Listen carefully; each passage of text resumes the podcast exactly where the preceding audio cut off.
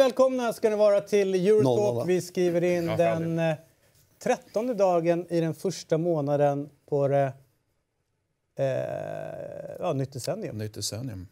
Hur känns det Christian, du som brukar vara lite spirituell? ja, det känns väl bra. Vi sa ju det, nu får vi köra ett decennium till och då, då, då börjar vi bli lite gamla då. Tala för dig själv. Va? Nej, jag vet inte. Du... Jag, eh, det jag tänker att vi alla kommer att vara tio ja. år äldre. Men han, jag läste en artikel i SvD att om tio år så har de stoppat åldrandet. Ja, det har de börjat göra på råttor eller möss redan. Ja, alltså, de har, på riktigt. ja. Det blir bra med befolkningstillväxt. Och jag ty- det är så härligt att vi börjar med det nya decenniet med liksom originalpanelen också. Eh, med eh, Noah som är oerhört, ska ni veta, oerhört glad här på morgonen. Han sitter och eh, twittrar eller eh, instagrammar tror jag är. Det vet ju inte ens. Eh, och, nej, men du, hade du, telefon, du, du hade telefonen uppe och tog kort på mig. Ja. Och jag tror att det går ut i sociala Du har ju inte Twitter så du får aldrig veta. Nej, eller ja, det, det, det, finns men latent. Eh, men välkommen hit Noah. Stort tack. Eh, vad, vad, känner du eh, kring eh, det nya decenniet och dess möjligheter? Och dess möjligheter? Ja, du. Världen får väl ställa jag upp känner, lite. ja, men jag känner inte så mycket sånt alls. Jag såg, alltså, man sögs ju med i det här summera 10-talet-hetsen lite grann när det, var, mm. när det gick mot sitt slut där. Och sen så efter en sekund så var jag så trött på det så att jag, jag på nyårsafton somnade jag 23.30. Mm. Så otaggad har jag varit på ett nytt decennium. Ja, vad härligt. Eh, jag konstaterar bara att vi, vi lämnar ju ett decennium bakom oss där på något sätt kränktheten och idiotin fick råda något fruktansvärt. Och jag hoppas att vi kan släppa det bakom oss och gå in i ett nytt decennium.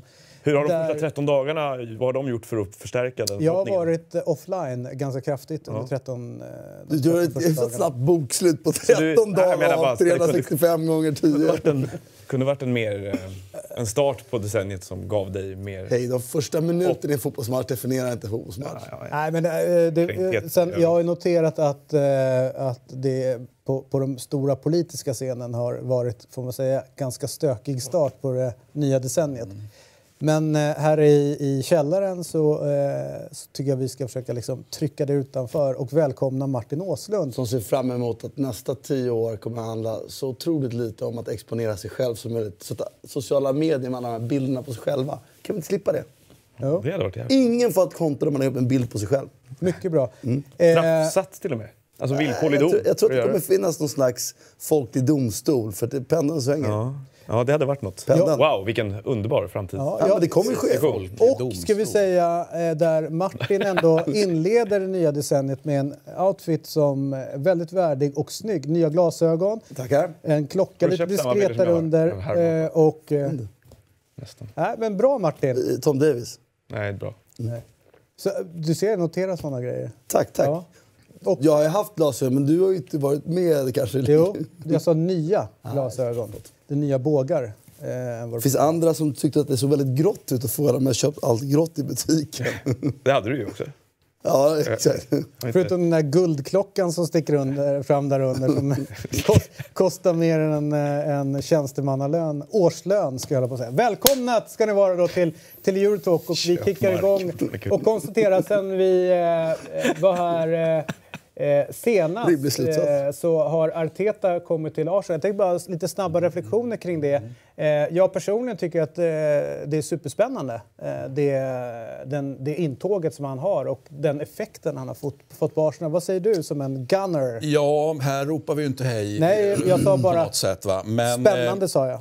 Ja, spännande är det och, och, och, på ett sätt för spännande eftersom det är en sån så att säga, helvetisk... Man tar det årtiondet som var så var väl kanske inte det finest hour direkt om man säger så. Nej, alla har vi våra tillfällen, eller till, eh, eh, Precis. decades. Eh, men, men det viktigaste av allt är väl att det försvarsmässigt ser bättre ut. För jag menar, då är min fasta övertygelse att allt annat går, och det går liksom att rätta till. Det går att, gå att få ordning på. Va? Så man kan fortsätta att utveckla försvarsspelet så att det sakta men säkert ser bättre ut så är jag jag är väldigt nöjd med det som en första pusselbit eller byggsten då i, i någonting. Va? Mm. Men eh, jag, tar, jag är försiktig. Jag skickar nästa boll till Noah. Ancelotti är tillbaka i Premier League och han då i Everton. Eh, vad, vad dina tankar kring det?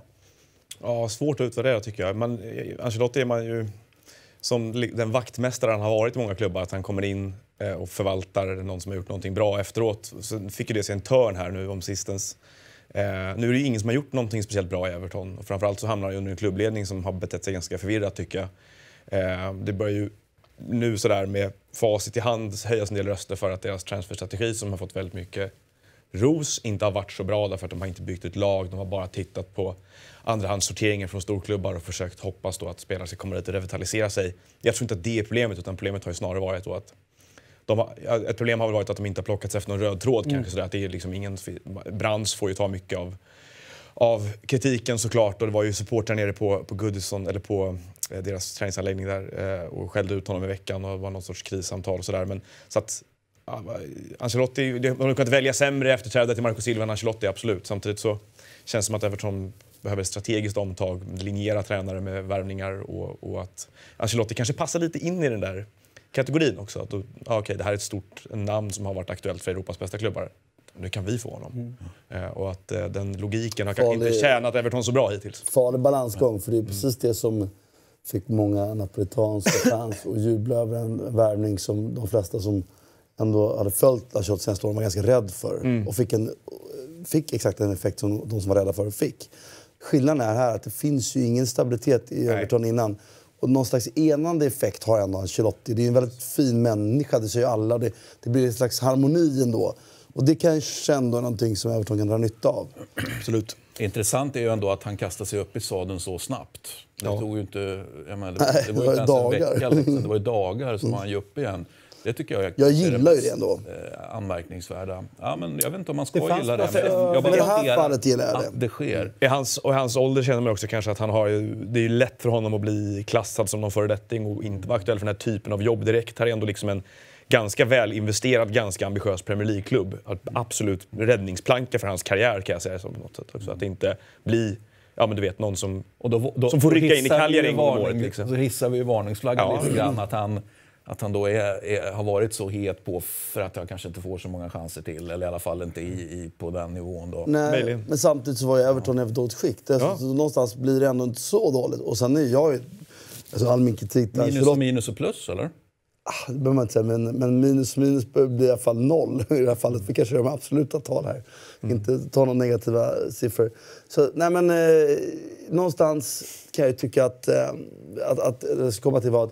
Så all min kritik till, mot Ancelotti till trots som har varit i Napoli är ändå sådär att jag vill ju ändå ha honom. Alltså jag tycker ju extremt mycket om den uppsyn han har. Och, och den, alltså, man vill ju ha honom i världsfotbollen. Så att, eh, I Evertons fall tror jag till och med att det kanske är- var bra i det här fallet. Men jag håller med, långsiktigt är det väl kanske inte det. Nej. Men det som är kul tycker jag när man har fått ta del av rapporter från spelarna i Everton är ju hur han ändå kommit in och de känner att det är en, eh, det vi alla, det har vi alla hört om honom, att han är en bra man management. Alltså att han ser spelarna, pratar med dem och att han liksom på något sätt har fått dem att lyfta. Den där ledaregenskapen tycker jag är fascinerande. Jag också. Att han ändå liksom fortfarande har kvar och, och han har ju Om man nu har det, Ja, jag menar, kan vi lita på Everton-spelarna undrar jag då? Det är klart att de säger det här. Eh, känner jag lite grann. Sen kan man säga det med mer eller mindre trovärdighet.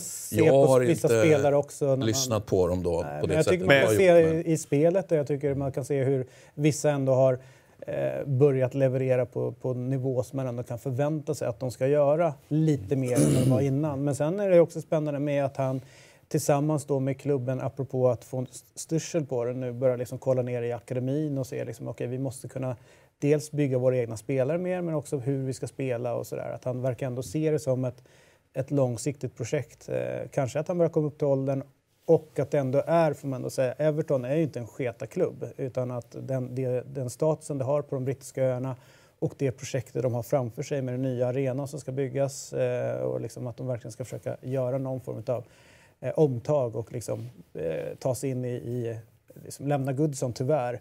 Eh, och det var väl tur då att de kanske valde den här vägen för att den andra falangen då eh, med, visst heter han eh, Kendall, nej det är inte han som är... Nej, det är ju Moshiri och, Ja, och- Bill Kenwright som är högt upp. Vilka, ja precis. Så det var Moshiri då som liksom har ju velat gå efter Ancelotti ganska mycket. Medan den andra då ville ju då gå tillbaka till Moyes. Ja, och apropå Moyes så har ju han kommit tillbaka till West Ham. Är, är, är, det, är det Moyes och Martin får nu då? Martin får Moyes och eh, jag tyckte det var lite roligt därför att eh, det lades ju upp, om det var på eh, Instagram när han var då tillbaka i, i West Ham, så tror jag det var West Ham som la upp någonting. Och då skrev jag eh, fantastiskt att Martin Åslund eh, och fick inget svar på det. Det bara duckade det. Jag tyckte det var Det så måste ha fyndigt. försvunnit i, i, all hets Det var så roligt. Eh, men Men visst, bara förresten, väldigt snygg. Jag tycker om den här. tack. Väldigt mycket. Ja. Fjällstugan. Ja, Jag, tycker, jag vet inte, det är någonting som jag blir väldigt glad över. nästan. Men han, jag tycker att han var, eh, kom in med ganska... År, vilket Det är- Nej, men han kom in med ganska eh, sund värdering kring det hela och att eh, någonstans så tror jag, eh, jag... Jag såg dels en genomgång på hans resultat som har varit sedan han lämnade Everton och det han har gjort. Och det är inte så dåligt eh, eh, som man, folk vill få det till förutom liksom kraschlandningen någonstans i eh, Real Sociedad efter ett tag som det blev. Men om man ser liksom de lagen han har gått in i och liksom hur förfall, förfallet var innan Moyes tog över så har han liksom ändå lyckats rädda det som har räddas kunna. Och han hade ganska bra track record i West Ham innan han fick gå för ett mer sexigt namn. Men han, det känns som att han på något sätt går in med, apropå ålder, han är inte den här unga, pigga, fräscha namnet längre utan en mer erfaren tränare och verkar komma in lite mer luttrad och redo för att liksom bara kav, kavla upp ärmarna och inte ta så mycket plats. Jag tycker det, det kan bli spännande att se vad det blir utav det här. Det blir spännande att se, för det verkar som att vi får Fellaini också, eller hur? Va?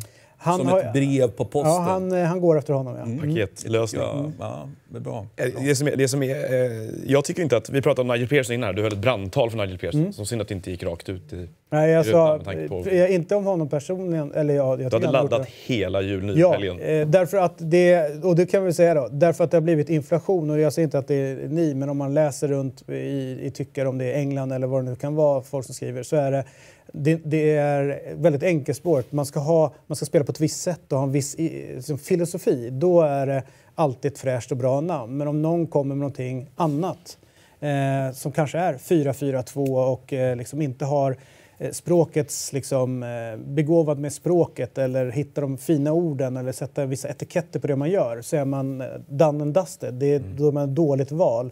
Och i synnerhet om man är en lite äldre man från, eh, från England. Då är det alltid ett dåligt val som, man, Men som jag, folk gör. men jag tycker det här, det där, för jag håller med dig och det blir ju lite, eh, jag går säkert i den fällan själv ibland också, men det blir lite sådär att det finns ju olika syften i olika, tids, olika tidsperspektiv med de här grejerna. Jag tycker ju på lång sikt ska man ju se fotboll processdrivet liksom. och en klubb som eh, Watford eller West Ham över treårs, femårsplan ska väl kanske ha en tränare som som har, som har ett spel som, som man tror kan föra dem liksom genom den ekonomiska hierarkin högre upp så att de klättrar och avancerar på något sätt. När, du däremot har, när man däremot har eh, Watfords situation i år, eller West Hams situation i år, där båda lagen såg söndertrasade ut på många sätt, så är det ju snabb resultateffekt du behöver. Så för mig, både Pearson och Moyes som är liksom två inspirationstränare mer än någonting annat känns det som. De är väldigt enkla i sin spelidé båda två och väldigt liksom sådär att de ska få spelare att höja sig och, och, och, slita arslet av sig. Så är verkligen jag- den kategorin sett till om man, vad han gjorde i Everton under rätt många år? men var- är det bara var, en effekt? Det var, ett annat, det var en annan fotbollsmiljö som jag ser det än vad det är nu. Alltså, det är svårare att få samma effekt med det spelet än som man hade då nu tror jag. Men, men jag menar bara att de två som val i det här skedet för två klubbar som befinner sig i den här situationen är inte fel på, på, på, på kort sikt. Däremot tror jag inte att ingen, någon av dem är rätt. Om West Ham eller Watford, vilket de borde ha ambitioner att göra, vill sluta topp 8 i Premier League eller etablera sig som en topp 8-klubb till exempel, då tror jag att de får svårt med, eh, med den fotbollen som de predikar. Sett till det eh, tankebanan, jag säger inte att du har fel, eh, var, var Sir Alex Ferguson kanske den mest framgångsrika då på de brittiska öarna Mm. genom alla tider, som hela tiden lyckades liksom, hänga med på något konstigt sätt, var väl också en effektdriven tränare? inte bara va, tycker jag. Nej, men jag menar... Och det, Men det var en annan fotboll som fungerar på ett annat sätt. Alltså jag tycker de, de lagen som, är, som, gör, eh, som tampas högst upp i tabellen nu är så, har så mycket mer sofistikerade spelmodeller än vad lagen hade på den tiden. Alltså fotbollen har gått så mycket i den utvecklingen. Den är liksom övervetenskaplig i många olika perspektiv. Och jämförelsevis med den fotbollen som Ferguson var framgångsrik i så är det annorlunda. Liksom. eh, och då kanske upp Diego Simeone. Är väl också Jag tycker han är ganska sofistikerad.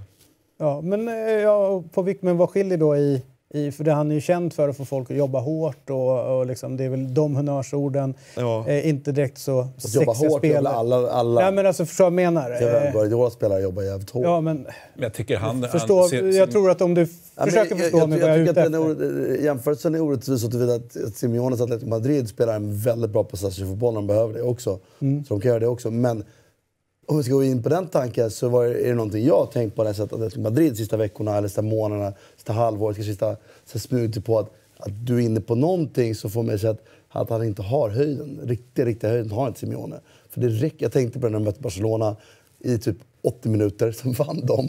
Då var det så här, fan ska de inte ta ett steg till? Ska de inte kunna komma någonting med ur det här? Nu har han haft det här laget så länge. Men, så du är inne på någonting, absolut. Men jag håller inte med dig. Det det går inte Nej, jag, jag bara ställer frågan utifrån liksom olika Jag förstår tränare. varför du ställer frågan, men jag upplever ju Simeones fotboll som väsensskild från Moyes fotboll till Ja, exempel. absolut. Ja, härligt.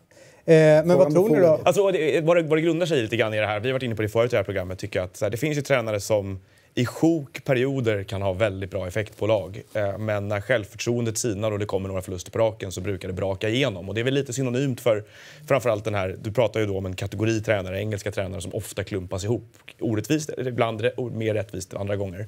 Eh, men där liksom den grundläggande spelidén, att man inte kan falla tillbaka på en, på en gemensam metod på något sätt, brukar ju blotta sig då när det inte finns något självförtroende kvar. Och det, där upplever jag väl att eh, Atletico Madrid under Simeone har inte varit speciellt sköra för det till exempel, utan att de har kunnat gå igenom formsvackor och ändå ta resultat och arbeta sig ur dem för att de har haft ett väldigt tydligt spelsätt. Där det ibland är svårt att sätta fingret på vad ett Steve Bruce-lag gör bra respektive dåligt och vad som är självförtroende och inte. Och, eh, samma sak med, som jag, med Alan Pardew och ett par andra namn också. Där kan jag tycka att en sån som Allardyce till exempel och Tony Pulis båda två, de är väldigt tydliga i sin idé. Sen är den passiv och hämmande för många lag som gör att du blir ett enkelt byte när du hamnar under press och har för dåliga spel individuellt.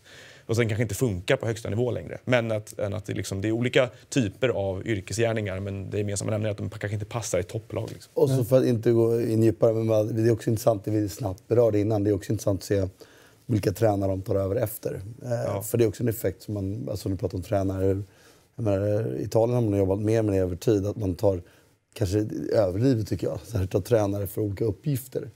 Att bygga lag, ta sig upp i Serie B, överleva Serie A, topplag i Serie A. Att det finns, där man tänker man ett steg längre. Det upplever jag ju också en, någonting som man borde börja fundera lite mer på än bara det här att Ja, det är menar jag med perspektivet. Exakt. Alltså, men kanske det med med att en viss tränare, för att han är jätteduktig på att sköta processer i en klubb, kanske inte i en annan klubb. Liksom, utan, ja.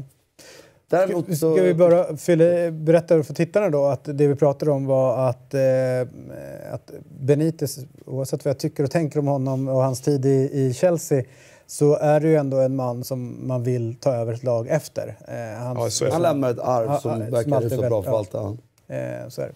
All right, sen vi såg sist då eh, så eh, det är kul att se Kulusevski eh, Eh, till Juventus. Eh, och jag tycker det var rätt roligt därför att redan i höstas så sa vi de måste sälja nu det här fönstret. De, de, de har inte råd och de ska inte vänta till sommaren. Det är nu han är som hetast. Eh, och Martin har ju kontakter nere i Bergamo, lyfter på luren, berättar hur, vad vi har kommit... Eh, nej, inte Glenn. He's out. Eh, utan eh, ringer ner dit och berättar att det här vi kom fram till eh, i Eurotalk. Eh, de lyssnar, värvar honom och eh, jag tycker att det här är precis hur häftigt som helst. Ja, men det är ju det. Det är ju helt fantastiskt underbart. Liksom. Och sen om han i slutändan då verkligen kommer att, att, att färga och vara fullt ut randig, det sitter vi ju och hoppas och tror och vill och allt det där. Va? Men det finns ju en lång väg att vandra. Jag tänker, om man tittar på yngre spelare, vi får kategorisera honom som en yngre spelare, så har ju ändå Juventus i, i modern tid, får man säga, eller under, under sittande regim och sittande president och, och, och sittande sportchef, även om Marotta nu har flyttat på sig, så har man ju plockat på sig unga spelare som ska vara the shit helt enkelt. Och är man lite elak då mot Juventus så kan man ju säga att det har väl kanske inte slutat så där våldsamt lyckligt alla de här, alla alla Sturaro och Caldara och, Mandragora och så vidare. Liksom, Satsa. Så att det, man, man ska vara, man ska, vara- man ska Alltså vara den försiktig där straffen han drar, drar jag kan inte säga, bara jag hör det namnet så tänker jag det här småtrippandet och sen så skickar han... Orsolini, förlåt. Men Fick han ut Italien nu. Ja. Orsolini som nu helt plötsligt när han, när han då får vara på en annan Men, nivå. men, men när du så- pratar att det inte har lyckats, pratar du om ekonomiskt eller sportsligt? För att ekonomiskt... Nej, nej, ekonomiskt så är det säkert att du, du går att räkna hem de här. Och det är det men- viktiga. Ja, jag vet att det är jätteviktigt. Va? Men jag vet också, jag, jag inbillar mig ändå att det är önskvärt att någon av dem också sitter. Va? Ja, det tror jag är helt eh, irrelevant för dem. Sitter en så betalar av sig allt så länge de... Ja, men jag menar, okej, men sitter någon? Sitter, säg, säg den Nej, nej, men, som då, sitter då, då. men jag vill säga, de andra, och så länge de, jag tror nämligen att de har gjort ganska bra affärer på alla de här spelarna du nämner. Mm. De är ganska duktiga på det här Juventus. ju. De har tagit spelare, Bosman, och s- som har haft några år sålt och tjänat pengar. Där det dessutom är viktigt, vi ska inte, vi ska inte glömma bort det rent fotbollspolitiska, att du dominerar ett system genom Ja, att... eh, Här, ska, Första tjing. ska du inte låna en liten skön spelare Nej, här? Och, och- men- kolla och- här vad jag har i bakfickan. Ska du ha en också? Liksom? Det, det är ju, Det är ju, inget- det är ju men så det är bygger man ju inget- makt. Och det, är ju, det, är ju, det tycker jag kanske det Ja, det är minst lika viktigt som det du pratar om, att det ska vara ekonomiskt Ja, men så att säga, försvarbart. Och, men, jag, men jag ger Allt mig måste vara inte... ekonomiskt försvarbart. Ja, men det måste det vara. Det vill säga, det är en viktig Mm. del. Men alltså, det är klart att det är önskvärt att det ska in i startelva. Vi kan inte, vi kan inte bara... Nej, men det är klart att det är önskvärt, men det är inget, det, det är inget som får, så länge det bärs ekonomiskt så är det, är det du benämner den söndrande effekten och effekten av att någon kanske lyckas, den chansningen det innebär, det är ju värt de pengarna ändå. Sen är det ointressant för, för Juventus egentligen om spelarna sen blir den spelaren man köpt som 19-åring där som 24-åring som gör att de vinner. Det är liksom en, den cyniska sidan av det. Det är ju inget unikt Juventus gör, men Barcelona och Real Madrid gör ju likadant. Liksom. Ja, men men, men det, det, Det- att, att få ihop de här komponenterna som du pratar om, att det är gångbart ekonomiskt och dessutom att man då förhindrar motståndare eller potentiella utmanare till den här toppplatsen i hierarkin som de ändå har. Från att, jag säga att nästa Storaro faktiskt visar sig vara mer Storaro the real deal. exempel, Ja, men ta någon annan mer vem som helst. Och så bygger. Inter, och så bygger Inter ett potentiellt mästarlag runt honom och att man, då har, att man då helt enkelt har isolerat den spelaren från dem på något sätt och samtidigt då försäkrat sig om att man, man skördar honom själv eller släpper honom till lämplig nivå när det är dags och samtidigt gör en bra ekonomisk affär. Så Det är ju så det ska, så ska fungera på något sätt. Alltså, Men det är intressant. I deras värld. Det är klart att det är, är, är, är strålande För dem. business. Men, jag säger ändå att sporten, vi, jag, jag Nej, men vägrar... eh, För alltså, sportens helhet så är det såklart inte ja, önskvärt. men för det, sporten i Juventus, det är dit jag vill Nej, komma. men det, det tror inte jag. Men det, sporten som helhet är det. För det, det är ju också här, det finns ju tillräckligt många talanger, och vi kan gå in på det specifika fallet sen här, som man väljer fel, fel klubb som begränsar deras utveckling och kanske tar bort en höjd av deras karriär som de aldrig når. Och det begränsar ju alla oss andra tittare. Men har de köpt så jättemånga 19-åringar för 400 miljoner kronor? Nej, men de har Så köpt det- tidigare. Så då undrar man 19 ju om, om det det var- kanske finns en plan för Kulusevski att han är mer då inte en, liksom en så här, ja, vi ser vad, vad som blir med dig sen när du är lite Men det, äldre. alltså, det finns en plan för alla och priserna går ju upp så det är därför de inte har köpt det tidigare. Men du tror inte att det handlar om att de investerar tillräckligt mycket i för att de tror att han är spelare för A-laget snabbt? Men tror, jag tror att de tänker samma sak med Orsolini när de köpte honom från Ascoli som var Mm. dominant i Serie B. och hade en, så här, en unik spelstil. De letar efter de här typerna och, och slår någon igenom. Dybala kan man väl säga också var lite... Han var ju inte gjuten att gå in... Alltså alla älskade Dybala men att han skulle ta plats i Juventus var inte givet. Så det kanske har ett exempel där Mm. som slog jävligt väl ut. Liksom.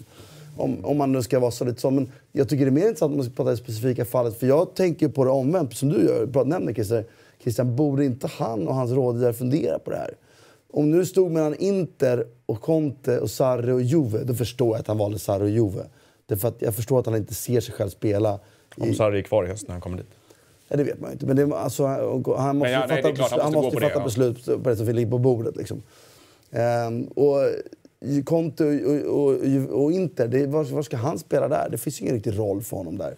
Medan Inter och Sarri, eller Juventus Sarri, det lockar ju alla unga spelare att spela som, som Sarri vill göra. Det är en, dra- det är en X-faktor som drar dem till det. Framförallt offensiva spelare. Ja, exakt. Och, och det blir en effekt. Men jag tycker ändå att det är intressant det du nämnde. För jag tänker också här, ska man inte som ung spelare ändå fokusera på vad det är troligast att man slår igenom? Mer än att det är liksom... Och så lita på sin talang tillräckligt mycket. Men är jag tillräckligt bra i Roma, då kommer jag få spela och spela en roll som gör att de ändrar laget. Eller Conte.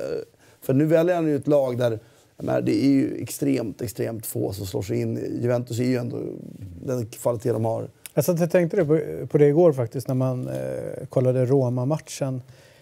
hur bredden ändå är. Alltså det, det pratas för lite om vilket, vilken bra trupp Juventus sitter med. Eh, nu ser man Ramsey in och spelar. Eh, Demiral eh, går sönder. Ja, De Ligt kommer in. eh, Chiellini skadad. Ja, Chiellini skadad. Alltså de, de har en sån bredd i det här laget, i den här truppen. Eh, Rabiot som har liksom jobbat sig in som Det många den lagen tidigt är de svagare i. Mittfält tycker jag de är svagare de skrev av ganska tidigt men liksom de sa att ah, men det finns någonting här och han har jobbat sig tillbaka. Men det finns också en kritik i eh, Italien eh, bland vissa tyckare kring Paratic som, och hans sportcheferi. Där eh, de pekar på att eh, Marottas eh, liksom, gärning och värv eh, liksom på något sätt det har ju varit loket framåt och nu när han står på egna ben så gjorde de en, en lista på vilka spelare han hade satsat och Paratic på och att det inte är så imponerande jämfört då vad, vad Marotta då under väldigt kort tid lyckades då i, i Inter. Eh, och valet av tränare och, och, och så vidare. Så hur ser ni på den kritiken? Är det givet att Paratic blir den där eh, den ettan i, i sportchefshierarkin som Marotta ändå lyckas ta sig upp till? Tyck, nej, det tycker inte jag att det är givet på något sätt. Och jag köper också kritiken. Nu, nu är man ju iskalla här och Paratici framförallt pratar ju om, om att eh, ja, men ingen ska flytta nu och Mercaton är klar och att liksom, precis som allting har varit så otroligt mycket under kontroll. Eh, alla vet ju om att det var x antal spelare som han ville göra sig av med. Dybala Som till exempel. Dybala Ja. till exempel. Eh, och, och inte, och inte Bra. fick iväg. Alltså Nej. det, måste vi, det är ju ett fakt, det är ju en sanning. Liksom. Mm. Där kan man ju inte bara låtsas som man är på det här att, att ja, men nu liksom livet leker. Va? Men, men jag förstår ju att det finns en viss... Han har gott självförtroende, Juventus har gott självförtroende. Eh, kanske på ett sätt är det självklart att han ändå säger de grejerna men vi måste komma ihåg också liksom att den där eh, sommarmerkaton, även om en del saker kom in som var imponerande så ville du egentligen ha lite, lite färre spelare då. Så, så, så är det ju. Ja, men jag- den som jag älskar här, som kanske är ett bevis på det vi pratade om tidigare, nu kan ju sönder tyvärr då, men Demiral. Demiral, ja. Oj, oj, oj, vad skön han är. Men alltså, jag, alltså Paratici ska man ju verkligen eh, så här långt sätta ett frågetecken för. Det tycker jag också. Han har varit väldigt trigger-happy. Det är likt 75 miljoner euro. Ses ju, känns just nu som kanske inte, med tanke på hur bra Demiral har varit.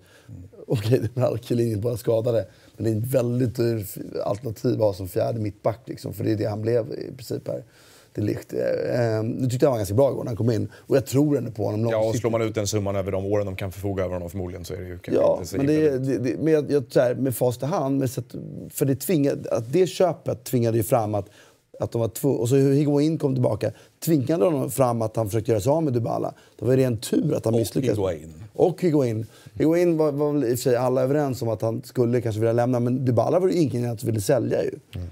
Eh, Alla minns Dybala själv. Och, och där ska man väl ge en jävligt stor beröm hur han har riva- rivatil, riv, Vitaliserat. både Higuain och Dybala på ett sätt som eh, ser väldigt intressant ut. Och även få in Ramsey som jag var tveksam till. Jag förstår man tog honom på Bosman. Det är en bra spelartyp och en annan typ. Men jag har känt mig tveksam till honom, att han ska lyckas. Jag tyckte han var bra igår och han känns som att han är på väg någonting. Rabiot, som jag också hållit så här, känt som att nej, det där var prestige mer än något annat. Och i båda de Sybla. fallen, och prestige kan man aldrig underskatta för det kan vara Nej, viktigt när man gör absolut, men det får affärer bara ha och prestige. för att cementera sin, sin position också. Jag tycker också det är intressant att se hur han inte lyckas med Emre Can som han har hållit på med ganska länge utanför Champions League-truppen. Nu öppnas fönstret igen och det har varit snack, bytesaffär med, eh, Ja, med de PSG. Ja, men vad- Fast men- då kom det lite skador i vägen. Ja, så ja men, det, så... och, men den, den, det är inte värdigt heller liksom, på det sättet han håller på med den här, till, exempel Emre Can. Sen blev jag ganska glad när jag läste att okej, Paratic, nu kanske, du fan, nu kanske lyckas med någonting här. Emre Can till PSG och Monier till, till Juventus. Det hade varit en fantastisk liksom, bytesaffär på något sätt. Sen är pengar emellan. Men det ser inte, han ser inte ut att lyckas med den heller. Så att det, det, det, jag Nej, tycker det har att- varit, en- det har varit en, det, det, så i, min värld så har han leddat upp så här långt av att Sarri har gjort ett jävligt bra jobb. Jag menar, att han skickade Cancelo precis innan, det, var ju det blev ju nödvändigt. Det var ingen som ville sälja Cancelo. Cancelo var ju för bra för att säljas egentligen. Exakt, utan det var en ekonomisk transaktion Ja, bara med lite... det var panik och var tvungen att sälja. Men det har ju lett till att Cuadrado har fått spela högerback som ingen av oss trodde att han skulle göra. Visserligen fanns en möjlighet under Sarri, men inte ändå. Och, och är det någonting man måste prata om, tänk dig på hur bra ytterbackarna har varit under Sarri hela tiden. Golam och, och uh, Usai, Mario Ruiz som egentligen ganska alldagliga spelare. Och nu ser Cuadrado Visserligen med sina dåliga sidor så ser han ändå jävligt bra ut. Alltså. Mm. Och det, så att än så länge tycker jag att Paratici räddas av Sarri. Och Paratici tog in Sarri och kanske man inte ska liksom... Räddar man någon som man tagit in så kanske det ändå var ens förtjänst i första läget. Alltså, Mm. och det är för tidigt att, att dra en slutsats. För vi ska också komma ihåg Marotta kom till Juventus var det många som ifrågasatte honom. Jag tyckte han gjorde ett fantastiskt jobb i Sampdoria. Eh, Men första året i Juventus var inte lysande. Det var en katastrof. Nej, det och det var en dra till. ekonomisk katastrof också. Han backade ju över en miljard första. Men katastrof var det inte. Men, men däremot så var det inte bra. Ja, men ur ett Juventus-perspektiv så var det ju Ja, det var mer av katastrofhållet skulle jag vilja säga. Mer, ja, mer av samma väg som man vandrat tidigare. Nu var Juventus mycket mer illa där när han tog över än vad det var när Paratici tog över. Så det var en svår sits. Men, men för Bacca då, att det var år två det verkligen lossnade för Marotta och det ska man bli tid till. Jag tycker tvärtom om man ska imponera så har Marotta åstadkommit Inter på extremt kort tid. Satt ju med den där skitmackan av Icardi-härvan i, i handen där det liksom det var ju omöjligt att hantera på annat sätt än han har gjort tycker jag. Hur bra Icardi än kan vara, så det gick ju inte. Sen tycker jag rent generellt, alla de värvningarna som man fått in, eh, och inte de stora namnen bara, utan de som liksom Exakt.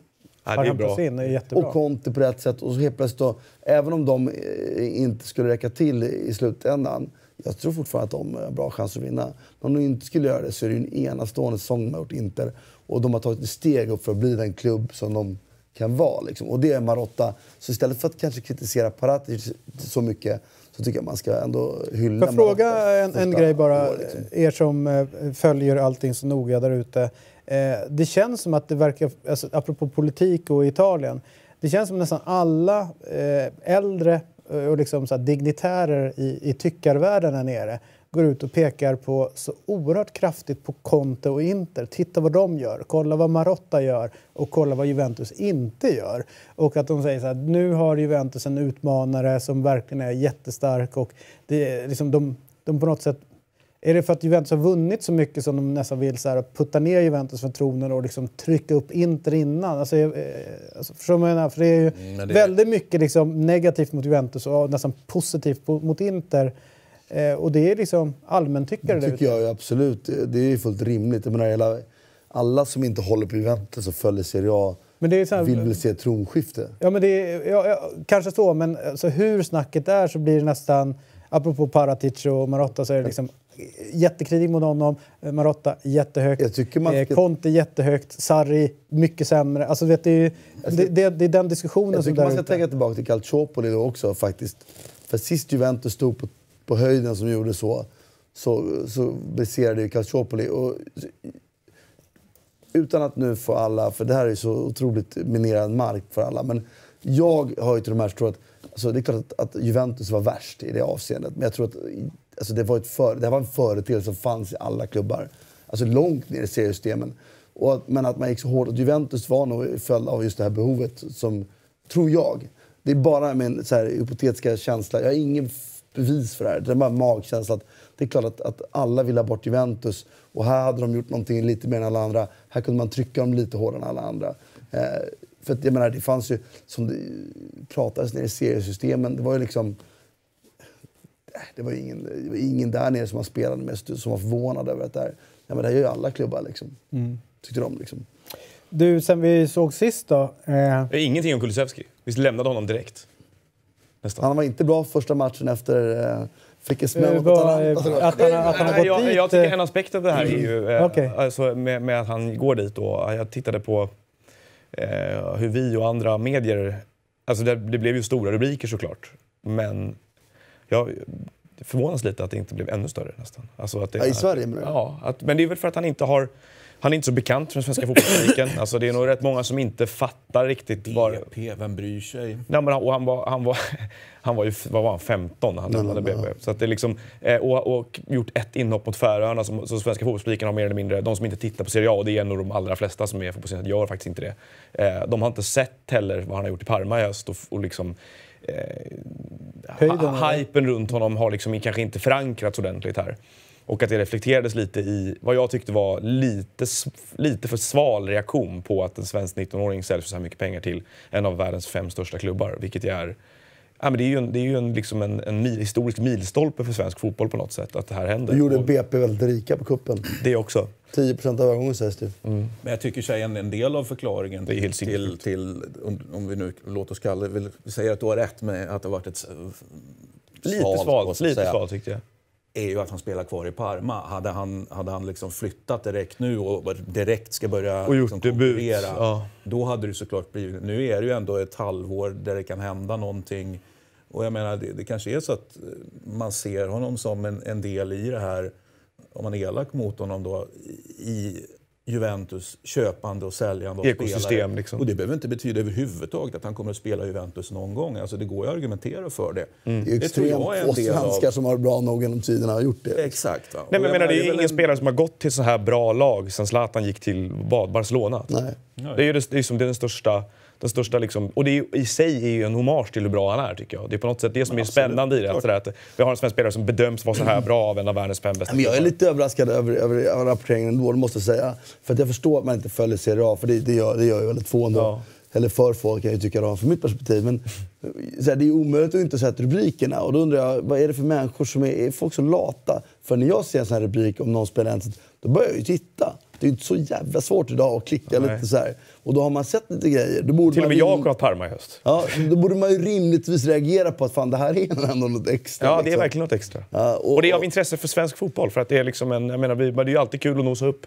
När, när, när någonting liksom banbrytande händer så kan man vara tidig på bollen. Eh, Och det, det här man- är liksom, det är, det är extra roligt tycker jag, för, för mig personligen som jag har ingen kontakt med honom överhuvudtaget, men jag har sett honom extremt mycket för att jag följde det här 00-landslaget Mm. mycket, där han var med och spelade. Där som ett land, landslag som var kanske lite sämre än de här 99 som vi hade haft några bra gånger. Men där han stack ut, så, var det svårt att värdera honom. Vi, vi pratade om honom för över ett år sedan i det här programmet. vi pratade om honom för länge sedan. och, och där han liksom bara, man sa att fan, han är så dominant i sin kull, men kullen är kanske inte så bra. Det är svårt att värdera. Liksom. Mm. Så det har varit jävligt kul att se det här. Och vi har pratat om det också, att han var så otroligt eh, liksom, öppen med att han tyckte att han borde ha spelat mer i Atalanta. Man bara, kom igen. Laget kom fyra i Serie A. Samtidigt som man 18 tänker bast. då att- Men han visste väl hur bra han var ändå. Han visste hur bra han var samtidigt som man, man, man säger så här, hade han varit Guds gåva till mänskligheten så hade han också fått en plats då rimligtvis.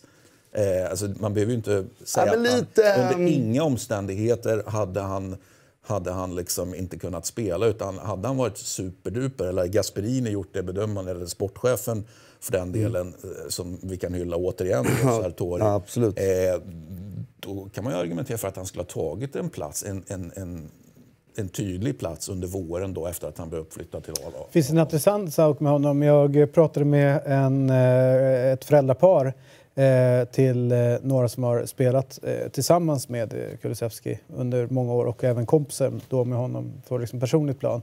Eh, och då berättar de att eh, det normala hos folk, eller hos eh, unga spelare och så här, det är att om man, om man gör ett misstag, eller två misstag, så går man runt och säger fan jag skulle gjort det där bättre. Men då sa de det, det var så fascinerande. Han kunde göra sju dåliga grejer och tre bra. Han fokuserade bara på de tre bra. Alltså det var, det var liksom någonstans Kim där... Källström. Vad sa du?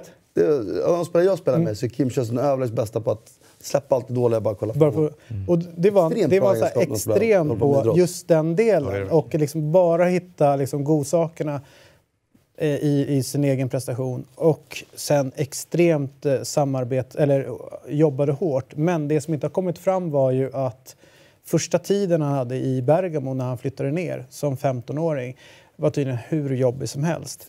Med språket, eh, hade inga vänner i laget, han satt där nere själv. Och liksom, eh, det, eh, det var liksom en, där hade en normal eh, ungdom på något sätt sökt sig hem. Eh, Thomas Isherwood är ju hemma i Allsvenskan nu igen. Som flyttade tidigt också från Brommapojkarna. Många Fast sådana då exempel. till... Eh, vad sa du? Det finns ju många sådana exempel. Ja, men just båda de kommer från Samtidigt. samtidigt och från eh, samma klubb. Eh, är 98 Brommapojkarna då. Ja, men ungefär samtidigt då. Eh, det är samma, de känner varandra i, i det här gänget som jag pratade med. Eh, men han hade, han bet ihop. Alltså, vet, han har den, den mentala grejen också, att bara bita ihop och köra på. Och då var det liksom på något sätt hitta de här ljusglimtarna i tillvaron eller i träningen och sådär. Men i början, inga vänner. Du vet, så här, helt utfrusen. Men- kan men- inte språket, tränar med liksom, människor Det som kom inte... ju en intressant diskussion Det intressant. Ja, det kom en intressant diskussion från det här. ju, Just på det här att hade han, hade han stannat i Allsvenskan hade han aldrig kunnat vara så bra i den här åldern. Och det håller jag med om. Problemet är att jag skulle fortfarande säga att jag skulle råda extremt få människor att släppa iväg sin 15-åriga son eller dotter i framtiden, för det kommer det handla om också, och åka ner och spela fotboll utomlands i en annan kultur på det sättet själva. Därför att det finns, det är för lite för Alltså det är klart att det finns någonting att vinna, men vi vet extremt hur extremt få det är som drar nytta av det här och tar hela stegen upp. Eh, och det är så jävla mycket att förlora. Så jag skulle ändå, om jag fick den frågan, ge rådet till alla som har en duktig 15-16-åring. Hitta en miljö i Sverige där de får spela seniornivå så högt som möjligt är ändå att föredra. Med risk för att man går miste om lite li- av sin utveckling man kunde ha fått. För jag tror att det du nämner Vid ett nu, visst skede i karriären. Ja. det är så extremt få som klarar av det här. Extremt få. Då pratar vi inte fotbollsspelare, bara människor. Liksom. Men problemet, Men problemet nu, med de nu här... vill jag bara konfrontera dig lite grann. För du har ju drivit tesen tidigare att får man chansen som ung spelare så ska man ta den, då ska du dra. Men, när man är färdigvuxen. Alltså, men det jag menar är att du, det finns en skillnad här då man är 15 eller om man är man 17 är 18. eller 18 eller 19. Absolut. Det är den skillnaden du gör här eller? Ja, och, den, och den ska inte dras på ålder. Den ska dras, det finns ju Nej, nej, 15-åringar som är mogna men- som en 18-åring. Men så här, det, är väldigt få, det, är väldigt, det är extremt få 15-åringar. Alltså, det är obefintligt få tror jag. Gissar jag. Jag är ingen... Nej, men det, jag, jag, jag, Som är jag- jag mogna, Som är mogna psykiskt och fysiskt. och Det där, ja. Ja, och sen så 18-åringar, ja, men då är det fler. Men det är fortfarande som 18-åring ska du vara extremt, extremt bra för att flytta då. Jag menar, så här, du ska vara så pass bra så att du är, som 18 flyttar så att du, du egentligen är för bra för Allsvenskan tycker jag. Annars kan du faktiskt spela ett år i Allsvenskan. Så när, jag brukar alltid dra, för jag får den här frågan ibland, men Eh, när man spelar Allsvenskan och känner att man, dra, att man drar Allsvenskan, du säger att du har gått över medelnivån, du är på övre delen av kvaliteten i Allsvenskan, som 19-åring, då ska du flytta. Är du under den medelnivån, vilket de flesta är ändå, absolut, absoluta majoriteten är det, då är det ingen fara för då drar ju själva serien upp dig. Men så fort du har gått över den nivån, rent matematiskt logiskt, då ska du flytta. Sen var den gränsen, den är svår att dra, men det är så man ska tänka tycker jag. Men menar, det problem, Nej, men det är sant. ett problem med den här diskussionen Absolut. tycker jag är att, att det här exemplet och många andra används som någon sorts anekdotiska bevis hela tiden för vad som är rätt och fel väg. Och att det här om något ger oss ett tydligt exempel tycker jag på att det finns att det är så himla individberoende som du säger. Att det är liksom, vi har ju en mil, du tar ju upp andra exempel här på spelare som har gått samma väg och som, vars utveckling eventuellt har hämmats, vilket också är svårt att göra någon sorts bokslut på Och människor som många- kan få sina liv förstörda. Ja, det också. Det, har vi, det finns ju ytterligare exempel på. Vad heter han? Martin Bengtsson. Martin Bengtsson, precis. Eh, men jag menar, det, det där, och då, Det det är är också också, sig, men ja. det, det, det är omöjligt att slå ut det på något sätt som säger att så här, det här är då the blueprint som svenska unga spelare borde göra. Utan att det, det är, eh, men det handlar väldigt mycket om, där tycker jag att man kan kräva mer av rådgivning då kanske runt spelarna. Och det är ju, 15-åringar får ju inte ha agenter, men det finns agenter som har 18-åringar till exempel. Som, jag har en känsla av att det är ett problem för svensk fotboll i stort. Att man, att man tidigt exporteras ut eh, för att det är billigt att köpa spelare från Sverige, för att det finns pengar att tjäna för flera olika det- parter. Och att många spelare egentligen skulle må bättre av Det att vara finns också en annan as- aspekt i det. det. Det är faktiskt så, till exempel för en klubb som BP. Eh, nu sålde de ju inte honom på det sättet. De var ju väldigt arga när han gick. Exakt, det var, ju- de ville ju typ inte ha med honom att göra innan han blev riktigt bra. Därför att pappan var det som flyttade honom med BP, nästan bråkade dem loss på ett sätt som BP tyckte var väldigt fult. Ola Danord kallade det kidnappning. tror. Ja. Så det, det, nu, nu är det BP släppt det och så nu är han ju BP spelare. Dessutom får väldigt bra betalt eftersom de hade 10% av övergången. Men det finns också tyvärr då, siffror som visar att, att till exempel eh, BP hade några siffror då, det, det kanske inte gäller då, men då hade de en ung 16-åring flyttade, fick de ju bättre betalt för än när eh, Jesper Karlsson gick till Djurgården. Och då, då är det så här, det finns ju liksom också, ska BP ens behålla... Alltså, Gör de bäst i att sälja Ja, 16-åringar? vilket är ju eh, omänskligt tänkt, men cyniska sidan är ju tyvärr så. Jag pratade en med del en... av cyniska sidan bara säga också är ju att, att klubbarna då vill ju, även om de kanske åker in i ett ekosystem, så vill de ju ha dem så, så tidigt som möjligt. Jag kommer ihåg eh, när, när, eh, när Corvino var i Lecce och, och jag pratade med hans right hand man, då var det mycket prat om eh, för då, då var ju, hade ju Borsinov slagit igenom och han kom ju till Lecce som, som 12-13-åring. Eh, Och, och då kommer jag ihåg jag frågade just den grejen, inte, inte Corvino just nu utan hans, hans eh, högra hand där. Alltså när vill, när vill, när vill, vad är, när är det bäst liksom? När vill ni ha dem då? tidigt som möjligt. Så tidigt som möjligt. Så 12-13 tyckte jag ju då, var inte det lite tidigt då? Inte alls. Vi tar dem gärna ännu tidigare än så, om vi bara får. Så Och att, det är ju eh, också så, sån sak som är svårt för oss svenskar att förstå. Men, men det är ju en otrolig utslagning i de här länderna. Jag menar, är du 13-årig och spelar i Inters akademi Och så möter du Inter när de är 18-åringar, då är typ hela laget utbytt. Liksom. Alltså, vi har ju våra lag och fortsätter. För det är, där är det ju bara en business. Liksom. Så att det, och, och det är inte mänskligt speciellt bra tycker jag. Så att det, Nej. det, det, Jag pratade med, i, i samma då, de, konversation där Kulusevski dök upp och, och sådär, så, så, så eh, de, de här, ena paret har haft två barn eh, som varit väldigt framgångsrika och ganska högt upp i, i svenska fotbollssystemet. Och då sa de det att man är ju rådvill som förälder. Och då sa de de har ändå varit, eh, liksom, de har haft det ganska bra. Liksom. De har gott ställt, de har bra utbildningar och alltihopa. Eh, men har ju sett då på, på vänners barn då som, som, där föräldrarna kanske har eh, kommit till Sverige sent och kan inte språket eller systemet och inte har ett nätverk på samma sätt. Där man är väldigt utlämnad till den här ganska cyniska fotbollsbranschen. Där klubbarna har ett eget egenintresse i, i, i, i deras barn, i deras son då, i, i det här fallet, att tjäna pengar. Om det då är liksom att eh, sälja för att få in nu eller sälja för att få en bra procent senare. Där agenten har eh, också ett eget intresse. Eh, och givetvis den, den köpande klubben som också har ett intresse att liksom på något sätt kunna kapitalisera på det här. Och någonstans så står då föräldrar som absolut inte har någon form av utbildning bara för att bara klara sig i, liksom, i samhället i stort men har liksom ingen koll på fotbollsindustrin. Nej, och man blir många gånger förändras av Ja, en och övergång. där blir man liksom ganska eh, Skör. Så skör Ja, i, och liksom, där man har ingen att lyssna på för alla har liksom en stake i det hela. Ja, det måste vara väldigt svårt att utvärdera vem som, vem som tjänar ditt intresse. Mm. Alltså, vad- Så är det vi gjorde. Youtube borde skapa, skapa en oberoende rådgivning som inte tar betalt. De bara jobbar på pro bono, eller? Mm. Ja, exakt. Välgörenhetsrådgivning. Ja. Men no, att någon, det- för det finns ingen, som de sa, det finns ingen att vända sig till. Alla, Alltså, alla men jag har faktiskt tänkt den tanken att det vore kul att göra någon sån verksamhet som bara handlade och egentligen inte hade några incitament överhuvudtaget än att ge råd. Problemet... Skaka om hela branschen ganska mycket. Förmodligen. Alltså, jag vet inte jag skulle det. Tror du inte det? I slutändan så finns det... Problemet är att Martin är rädd om sina knän. Ja, och det är ju så här, skulle en skaka om hela branschen Skulle skulle knäna- man behöva leva med hemlig adress. Så. Ja, det. Men Du- eh, vi går vidare. Ja, sen vi såg sist så har eh, Zlatan eh, både fått sin staty raserad men framförallt så är han tillbaka i, i ett randigt lag. Eh, och eh, jag tycker att det är vackert att se. Eh, jag tycker att det är när man ser honom spela så är det inte samma Zlatan eh, längre. På samma sätt som inte samma Ronaldo. Ni noterade säkert igår när han fick en stickare. Det är inte samma ryck längre utan det finns någonting annat.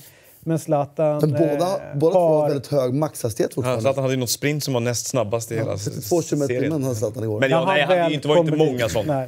Nej. Eh, men sen har han ju sin magiska touch. Magiska, eh, liksom sätter den på ett istället för ta två touch. Nicken, Eh, nicken, nicken var ju först- mer imponerande. Än Ja, och jag tycker nästan att den nicken i första som... Eh, som Olsen tippar i stolpen. Ja, precis. Att den nicken är nästan mer bisarr. Hur han kan få den vinkeln Ja, och den här- nicken mot mål. Men det är ju häftigt att han är där eh, i, eh, i, eh, i Milan. Och jag läste någonstans, om det var i din tidning eller någon annan, eh, där de har gjort, att han gjort mål på 90-talet, 00-talet, 10-talet och nu 20-talet. Mm. Eh, på högsta nivå. Eh, är ju i sig sjukt imponerande. Ja, verkligen. Eurotalk-klass på den va? Ja, vi var inte riktigt där på 90-talet, men 00-talet. Nej, men det var, det var väl ett embryo till Eurotalk på 90-talet? Ja, det var det. Vi eh, gjorde webb-tv från La Manga på 90-talet. Exakt. Eh, Gjorde ni verkligen det? Ärligt talat, var inte, det kom nog senare. nej, 0001 va? 99 tror jag var... Eh, Ja, det får du nog... Martin har rätt. Martin har rätt. Mm. Han har rätt, 00. Bra. Vi är bara tre decennier. Nej, Jag uppskattar ändå försöket till Ja, men, men jag kollade direkt ut på ja, facit. Ja, det är bra. Du var ärlig. Ja. Men eh, alltså, det, det som är roligt med, med, med, med det är ju, jag- jag tycker det är så sjukt kul att intresset blir så jävla stort. Alltså. Det är fascinerande hur liksom, ja, men vi kan prata om rättigheter till höger eller vänster men fan där Zlatan är, där, där finns där intresse. händer. Så skulle det gå väldigt dåligt för honom om det skulle dö intresset. Men när det börjar som det här gör nu, Gå in i mål direkt. Ju- ja, man garvar ju bara. Alltså jag garvar bara åt det. För att det är på något sätt så självuppfyllande alltihop. Jag tror typ att det här är ett bra också för unga spelare. Jag tror att det, är liksom, det hade ju varit risk att man gärna vill måla någonting på Kulusevski, Isak och de här nu. Nu får de lite liksom... Lugn och ro. Ja, Absolut. liksom. Ja. Nej, han, eh, och fortfarande kan man ju konstatera att det är ingen... Det är ingen Det är ingen dussinlirare. Nej, det är ingen staty som har flyttat till Milan. Nej, nej. Hej, apropå det vi pratade om tidigare. Jag vill slå ett slag för alla agenter också. För att om, om generella sättet på agenter kanske lite, lite smutsigt så ändå behövs de. För Zlatan är väl ett utmärkt exempel på vad som händer om man inte är agent. Då blir man ju röv mm, av klubben. Av Hasse Borg. Ja, man, man blåste honom rejält. Tänk om Zlatan hade brutit benet i Ajax gått sönder. Han hade aldrig fått de här pengarna för de blåste honom för att mina, för de tog pengarna istället. På något sätt så kan jag tycka, jag är inte för det han har gjort med Hammarby. Men På något sätt är det ju ultimata liksom, återgäldandet. Men kändes inte den, den vendettan väldigt mycket just Hasse Borg-driven? Att den var snarare än att han var arg på Jo, klart, MFF? jo, det är klart att det var. Men, men på något sätt så, så får Malmö FF ändå, var ändå verktyget som användes Ja. av Hasselborg. Nej, det är klart att Malmö FF ska skulden för det som klubb. Men någonstans så, i, i den diskussionen så var det Malmö FF som tjänade på, det på Zlatans bekostnad. Är, är det fel att tänka det? Jag vet inte. Alltså, jag, jag, hade- hade Hasse Borg lidit någonting av att han gick in i Hammarby hade jag förstått liksom, att du vände på det på det sättet. Men Hasse Borg ja. struntar ju blanka fan i det här, känns det som. Humorn, Tänk om humor, Hasse Borg sitter och lider. Ja, men det- tänk nu vad Malmö... hade varit något. Det, det var, men vad som borde vara, Malmö-supportrarna borde vara arga på Hasselborg. Trots att han inte hade gjort det här om han hade...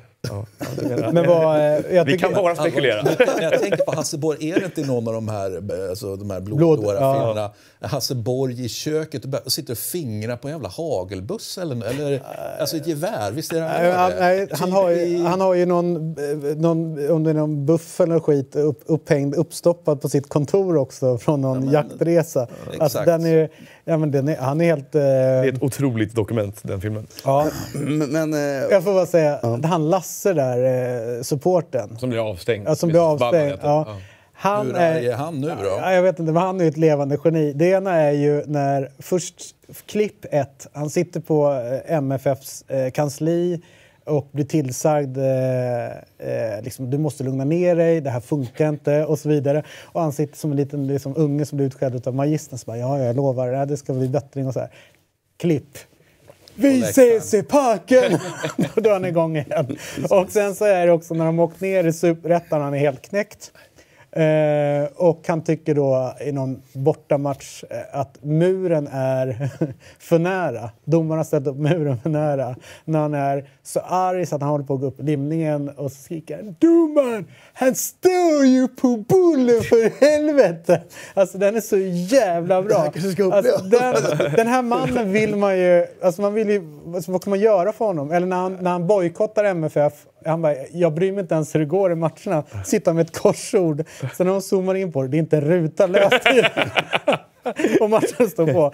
Han är, det, är, det är ett jättegeni. Det är ett jättegeni den här mannen alltså. Ja, ja, skitsamma. Men, men jag ska säga det också att, att eh, jag, är inte, nej, jag är inte för Zlatans köp av Hammarby eller övertagande av aktier eller gåva av aktier. Jag tycker det är verkligen att han har, inte på Malmö FF så mycket som på Malmö stad och Malmös, de som hör Malmö FF.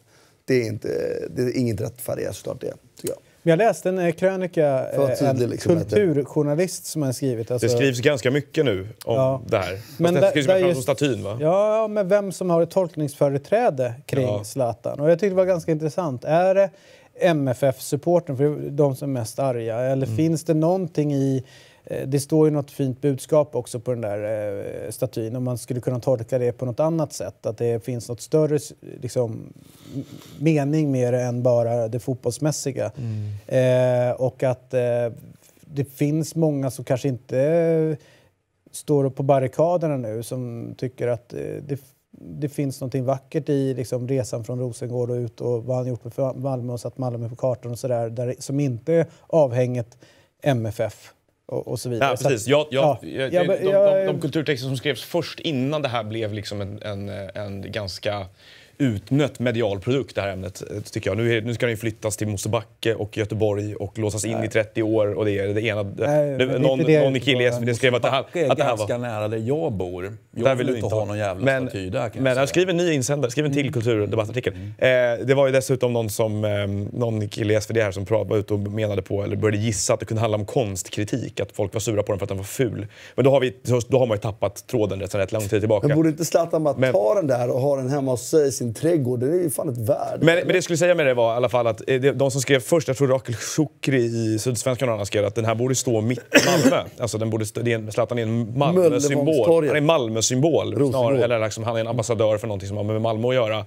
snarare än MFF. Att det var fel att knyta den så nära till klubben och ställa den utanför den från början. Det, det håller jag helt med om. Det, tycker det, var, det hade varit av- oavhängigt liksom, vad som händer nu. Sen med honom så är det alltså, den- en, en, liksom en teori som jag själv har lite grann med det hela. Är att det är klart att det var en, en, det är en extrem brist på spelförståelse från hans sida att prata om att de skulle vara glada för hans skull i Malmö när han tar över Banvi. Och det säger han för att provocera också.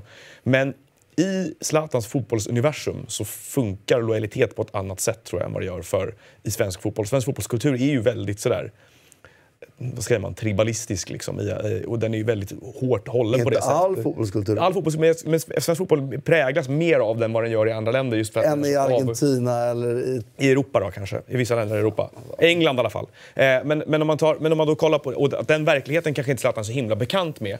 Och om man tittar på hans karriär och den världen han har liksom färdats runt i då, där han har hoppat, han har bytt mellan Milan och Inter och han har gått mellan olika stora klubbar mer eller mindre på, på ett sätt som han parallellt med andra spelare i sin generation var ju de första som snarare än att då liksom känna sig hedrad av att få ta på sig en tröja eller företräda en klubb så var den här känslan av att det där vändes. Att, eh, ta Ronaldo och Juventus till exempel så ska ju liksom den, den gängse uppfattningen är ju att Juventus ska vara lite glada för att de får, får uppleva Ronaldo. Eh, och, det, och så var det ju inte för 20 år sedan. Då var det mycket mer en omvänd makt, en maktstruktur där liksom De har blivit större varumärken. Ja, klubbarna ska vara tacksamma för att, de får, för att Ja. de får välsignas av spelarens närvaro i frågan. Och i den världen så blir ju då inte liksom klubbtillhörighet eller klubbband för spelaren själv likadant. Malmö och Hammarby ska vara glada för, förstår du vad jag menar? Att, det kan, att från här perspektiv så tror jag det kan vara en sån aspekt av det också. Att han, I hans värld så är, det, så är det de som ska vara glada att han har satt sin fot där på något sätt. Ja, eh, jag jag tycker inte vi ska... tycker. Ja, det tror jag. Ja, jag, jag, tycker, jag tror inte vi ska grotta ner så mycket just i statyn, men för att avsluta det så jag blir så oerhört provocerad över eh, i kölvattnet om det här, den här eh, rasistsvansen som kommer runt det hela och runt, runt Zlatan som dras upp. Eh, och, eh, på något sätt, så bara för det, så känner jag att man... Eh, ja, men alltså det, jag, jag tycker det är så, så fruktansvärt eh, runt, runt, runt det eh, som händer och det som Ja, skrivs men alltså, kring det hur, hela. hur märker man det då? Alltså, jag sitter här och jag... Zigenar, eh, ja, vad, vad det nu är. Zigani det- död. ja, det, var, det, var ju en, det var ett angrepp som var så. spelar ingen roll. Och sen, Ett så, för mycket. eh, och sen så är det väl eh, det här med att den vandaliseras på det sättet. Det är väl inte heller direkt värdigt det hela. Nej, Eh, det, man skulle, kunna, gjort, man skulle fick- kunna uttrycka sin, sin frustration på ett annat sätt. Än, Men är det inte bara att de vill... tycka, är, va, det- men det- är det alltid, inte bara att de vill slå på sätt som de tror hå, träffar honom? Är det inte det man vill åt bara? Kanske, men eh, jag, jag tycker inte det. Statyer som rivs ner, eh, det, det, det är typ en som jag kan tycka har varit en, en, fin symbolvärde. Liksom. Det, var när, det var när Saddam Husseins revs ner. Då, då var det så här smack. För det var så hemskt, det han hade gjort mot, mot och förtryck och så här. Det, det Stalin liksom kanske? så. Jag har inte sett den, eh, upplevt det, men det är klart att... Jag. eh, Men det jag sett Man såg liksom Saddams falla. Ja. Men man ska också fundera på när man, när man reser statyer då kan jag tycka. Va? Det här, Ja, det vi, sa det redan, den vi, sa det redan, total vi sa det redan här att statyer, liksom, statyer reses efter, till, till folk som har gått bort. Exakt, Så. det är ju precis det. Så det är ju fel. Det är, det är ju faktiskt fotbollförbundet här som ska ha så mycket skit för att de har satt alla möjliga eh, intressenter och, och, och se till att eh, man har blivit intressent i någonting man inte ens ville vara med på från början. Bara för att man var så otroligt ängslig över sin relation till han har varit bra i landslaget helt enkelt. Och så, alltså, återigen, fel tänkt. Liksom. Landslaget var större än vad spelaren var. Fast fotbollsförbundet fick för sig att den här spelaren kanske hade varit viktigare. Eller vi måste i alla fall fortsätta hålla en bra relation Ja, men det, till spelaren. helt Jag rätt. håller, jag håller också med om det. Men oavsett vilket, borde inte Zlatan, borde han inte bara ta hem den där statyn? Det är inte coolt man bara, den där tar jag nu. Ställer hemma Men sig, det bra. ställer sig på, han har det här jättehuset, eh, antingen ute på Resaröarna på landstället. Eller så ställer han det på den där, mitt på gatan framför det här huset eller den här fastigheten han köpt här i Stockholm. Bara, Utanför, utanför den här kyrkan på Östermalm. Där hade ju folk eh, varit och klottrat på, eh, på dörren. också. Ja, och slängt in surström i trappuppgången. Ja, jo, du ser. Det, är ju, det, upp, det upprör. Nej, så här, för, att, för att avsluta det, oavsett vad vad gäller eh, statyer så, här, så kan vi konstatera statyer reser man eh, till minne för folk som har Mm. Det är gått den ur tiden. det är det. Men det, du säger här, alltså, förbundet har investerat både pengar och prestige i det här på ett sätt som är ganska beklämmande för dem. Att vad som, hä- inte bara det som händer, det är inte deras fel det som händer nu, men med tanke på det, samma dag, den, det, här, det han sa till mig då om, om eh, attacken på, på förbundskaptenen som ändå Håkan Sjöstrand jobbar nära. Eh, och sen så liksom blir det de här reaktionerna och Som du symbol, symbolvärdet liksom i alltihopa. Och det, det är ju inte alls en speciellt önskvärd situation för dem på något sätt. Och de är ju kanske lite tysta i De var ju frågan. tvungna att De har ju, alltså exakt, de försöker ju bara köra den här under, alltså det är inte vårt problem längre. Men det, fan, det är ni som måste se till att det här är De har ett betalat problem. för det. Så vi ska, skapa, vi ska återskapa den... Ja, fast den skulle, ju stått på, det- eh, den skulle ju stått utanför... Ja, eh, hur länge tror du han har stått där då? Nej, men då ble, det blev ju för mycket kritik eh, runt det. Eh, Så då blev den ju bortflyttad därifrån ner till Malmö. pung, eller vad Ja, var det? Va? ja, den var för... Jag måste, jag men, den där, jag- men arena. Ja, men det har jag läst. att, att det men, var för, för tungt, Ja, för men stå för där. Det går inte att stärka upp marken, vi måste flytta den. Men arenajäveln som står på marken, eh, den står... Den står stadigt. Den står stadigt. Ja, Men Du kan nej, åka dit och börja... Ja, nej, Men det, det, det, det är klart, men jag säger så här, man, Såga ner Friends. Fotbollsförbundet är ju ändå, liksom, de förstod väl kanske under resans gång att, alltså, är du med? Den kan inte stå här för den kommer inte få stå här. Det är ju precis det som är grejen och precis det som Nej, jag händer kan väl nu. säga att- Men- och att den men- får men stå sidan- så länge i Malmö Är- innan den jag kan säga att det var... kapas är ju ett under. Det var Alltså, mitt kära, mitt kära eh, det laget jag följer och det Ja. mina Ja. som eh, kraftigt markerade att det ska inte stå någon Zlatan-staty Men på en sak, en sak som vi ska glömma, så här, det är lite konstigt att, att det är så enorm förvåning. Vad hände med Caroline Segers staty? Vad hände med Nilla Fischers staty? Mm. Båda vandaliserades inom loppet av 15 minuter. Zlatan klarade sig några dygn i alla fall innan de började vandaliseras också. Så att det är ju praxis. Vad fan händer med bocken i Gävle varje år? Människor älskar att göra såna här saker för att Men det blir den nyhetshändelser av det. men den här är det. överlevde det är i bra år. att vi tar in bocken Ja, i. Gävle. Och jag har lärt mig att det finns en lillbock i Den Gävle klarade sig i år. Ja. Ja. Men, men jag, menar, det här, det här, jag tror att det här är ganska egodrivet också. Jag tror att en del, alltså det är klart det finns de som har varit där och hängt upp tåsits och gjort annat av ren skär ilska mot att han har eh, blivit delägare i Hammarby.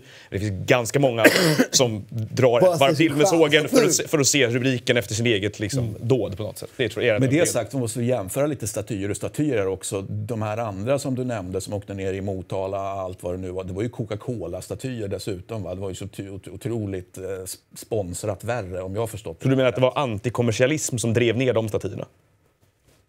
Ja, det var du som sa konstkritik förut.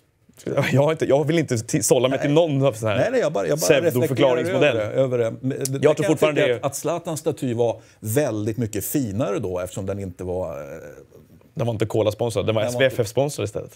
Ja, men alltså... Det, är Så det är ju skillnad på finansiering här alltså. Ja, precis. Ja. Och SVFF får för sina det. pengar från... Eh, Coca-Cola! exakt. Skrattar, eh, skrattar hela vägen till banken.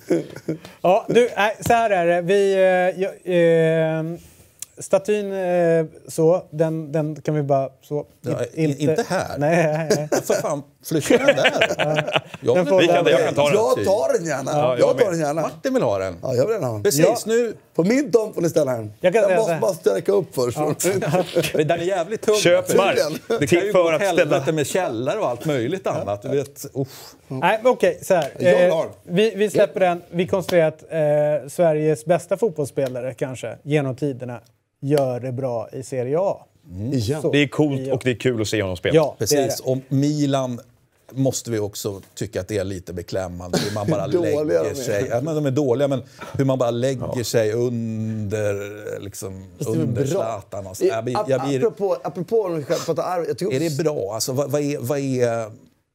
Men vadå, de hade ju inget annat. Jag måste säga att jag tycker att alltså följer man alltså, intervjuerna med Zlatan och rapporteringen från där han beter sig med en värdighet, Zlatan, som jag tycker är riktigt Ja, ja. klädsam. Det håller jag med om. Jag tycker det är riktigt, riktigt proffsig just nu. Sitter agerande. Så här, det känns som att han, han vill verkligen att det här ska lyckas. Men det är inte riktigt lika klädsamt så som Milan hanterar situationen och, och allt, allting man gör. Det vill säga apropå, vad var det nu som var viktigast här? Var det klubben eller spelaren? jag, ty, jag tycker man har... Jag tycker de har hittat en fin men man balans sitter i ändå. skiten. Jag fattar att man gör det. Så Jag tycker att, balansen- Jag det gör, att han, det jag, gör att inte vackrare för det. jag tror att han skrev efter förra matchen då. Eh, en är stark, men tillsammans är vi starkare. Exakt, det är såna grejer som man... Ja, jag tycker det var... Nej, jag tror på det sättet är han bra. Och jag ska för dem och kolla under fotboll i våren. Milano igen, det ska bli kul. Ja, det, det ska vi göra.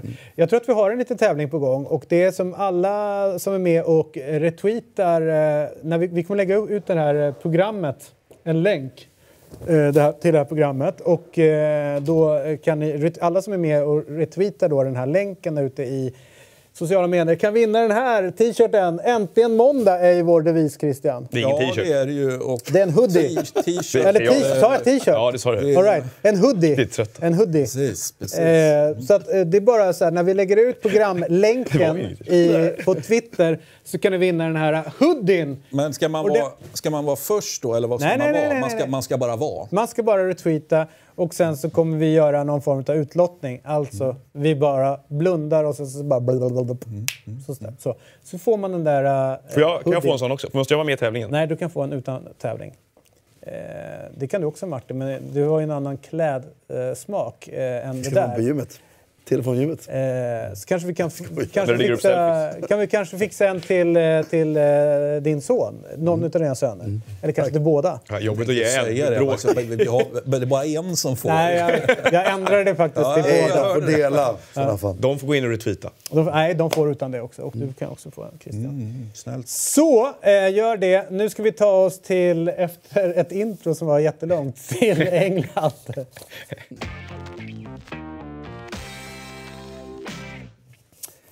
Och eh, jag noterade igår eh, när jag satt och scrollade igenom i mitt eh, olika flöden och så här, att Martin var väldigt upprörd när han satt och kollade på Aston Villa mot Manchester City. Det såg ut som att det var ett eh, seniorlag mot ett juniorlag, en träningsmatch där det bättre laget mötte ett sämre lag och så vidare och så vidare. Där, eh, Tyst på läktarna. tyst på läktaren och så vidare. Eh, jag eh, tycker inte att vi behöver säga så mycket mer än att jag skulle vilja lyfta en spelare nu i detta City som eh, eh, är tillbaka på den absolut högsta nivån igen. Stones, kul. Kevin De Bruyne, eller De Bruyne, som eh, det fanns vissa frågetecken under en period när han kom tillbaka från skadan. Så här, vad, hur bra är han nu egentligen? Är, är han på väg att liksom inte ta det där steget igen? Men de senaste månaderna nu, får vi ändå säga, så har han varit riktigt, riktigt bra. Ja, det är bara att skriva under på. Så otroligt roligt att kolla på. Och det är absolut Har han inte min- också en lite annan roll också i laget? Har de inte tryckt upp honom lite där han är grann? bättre. Han drog Han är sig tillbaka fram. lite. Han började som tia när Pep tog över och var väldigt bra som det. Men drog sig tillbaka lite för det fanns väl behov av det. Men nu har de kompletterat upp truppen och då är han tillbaka i en roll där innan någon som bäst. Eh, Jag säger inte att han är bäst i Premier League för det, det är, Men ja, det är min favoritspelare i Premier League. Jag tycker ingen annan spelare är lika rolig att se på. Sen kanske man kan prata om att eh, man är faktiskt bättre och sådär. Och, men, eh, och Van Dijk. Men, men min favoritspelare är absolut Kevin De Bruyne. Mm. Eh, Tottenham-Liverpool var ju helgens eh, stormatch. Eh, det var ju rätt många som håller på Tottenham som var rädda för en 0-5 eller, och så vidare. Det blev bara, får jag säga, 1-0 till, till Liverpool. Eh, vad, vad tänker ni kring matchen?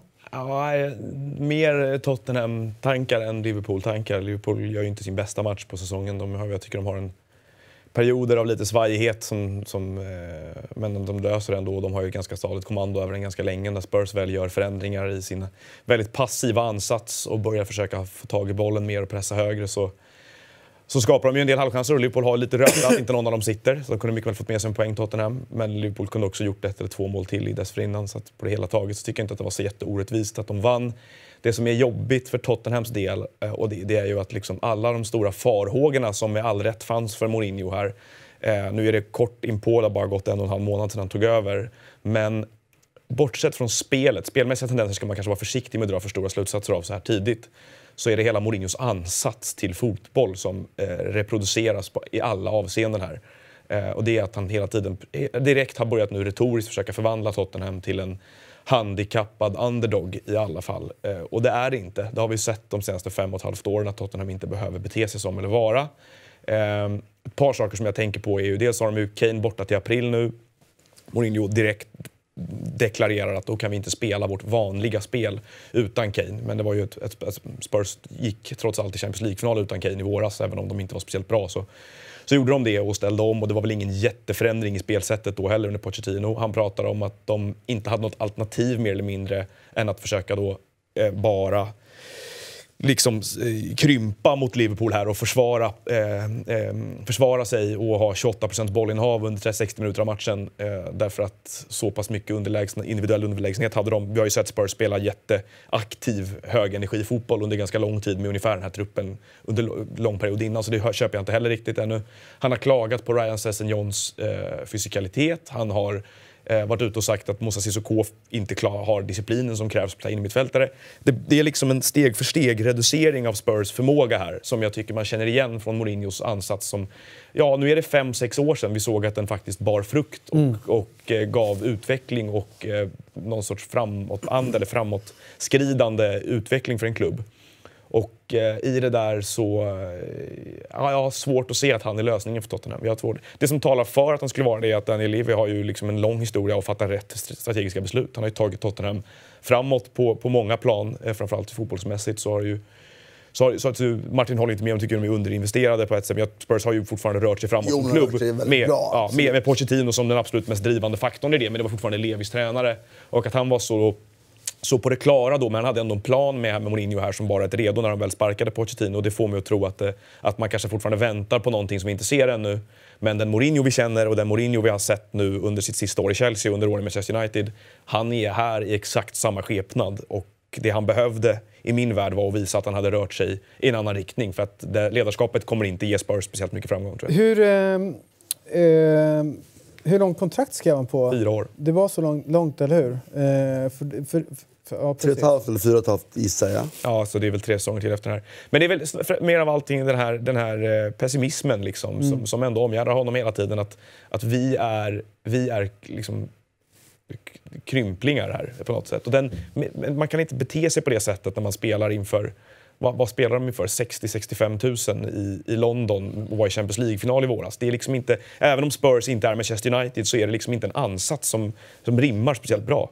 Alltså, jag, jag, håller med, jag, jag håller med om Mourinho. Jag tror inte Mourinho. Jag tycker att vi har varit tydliga, både jag och Christian, och, och det är också över tid, att jag tycker att hans, hans topptränare är förbi.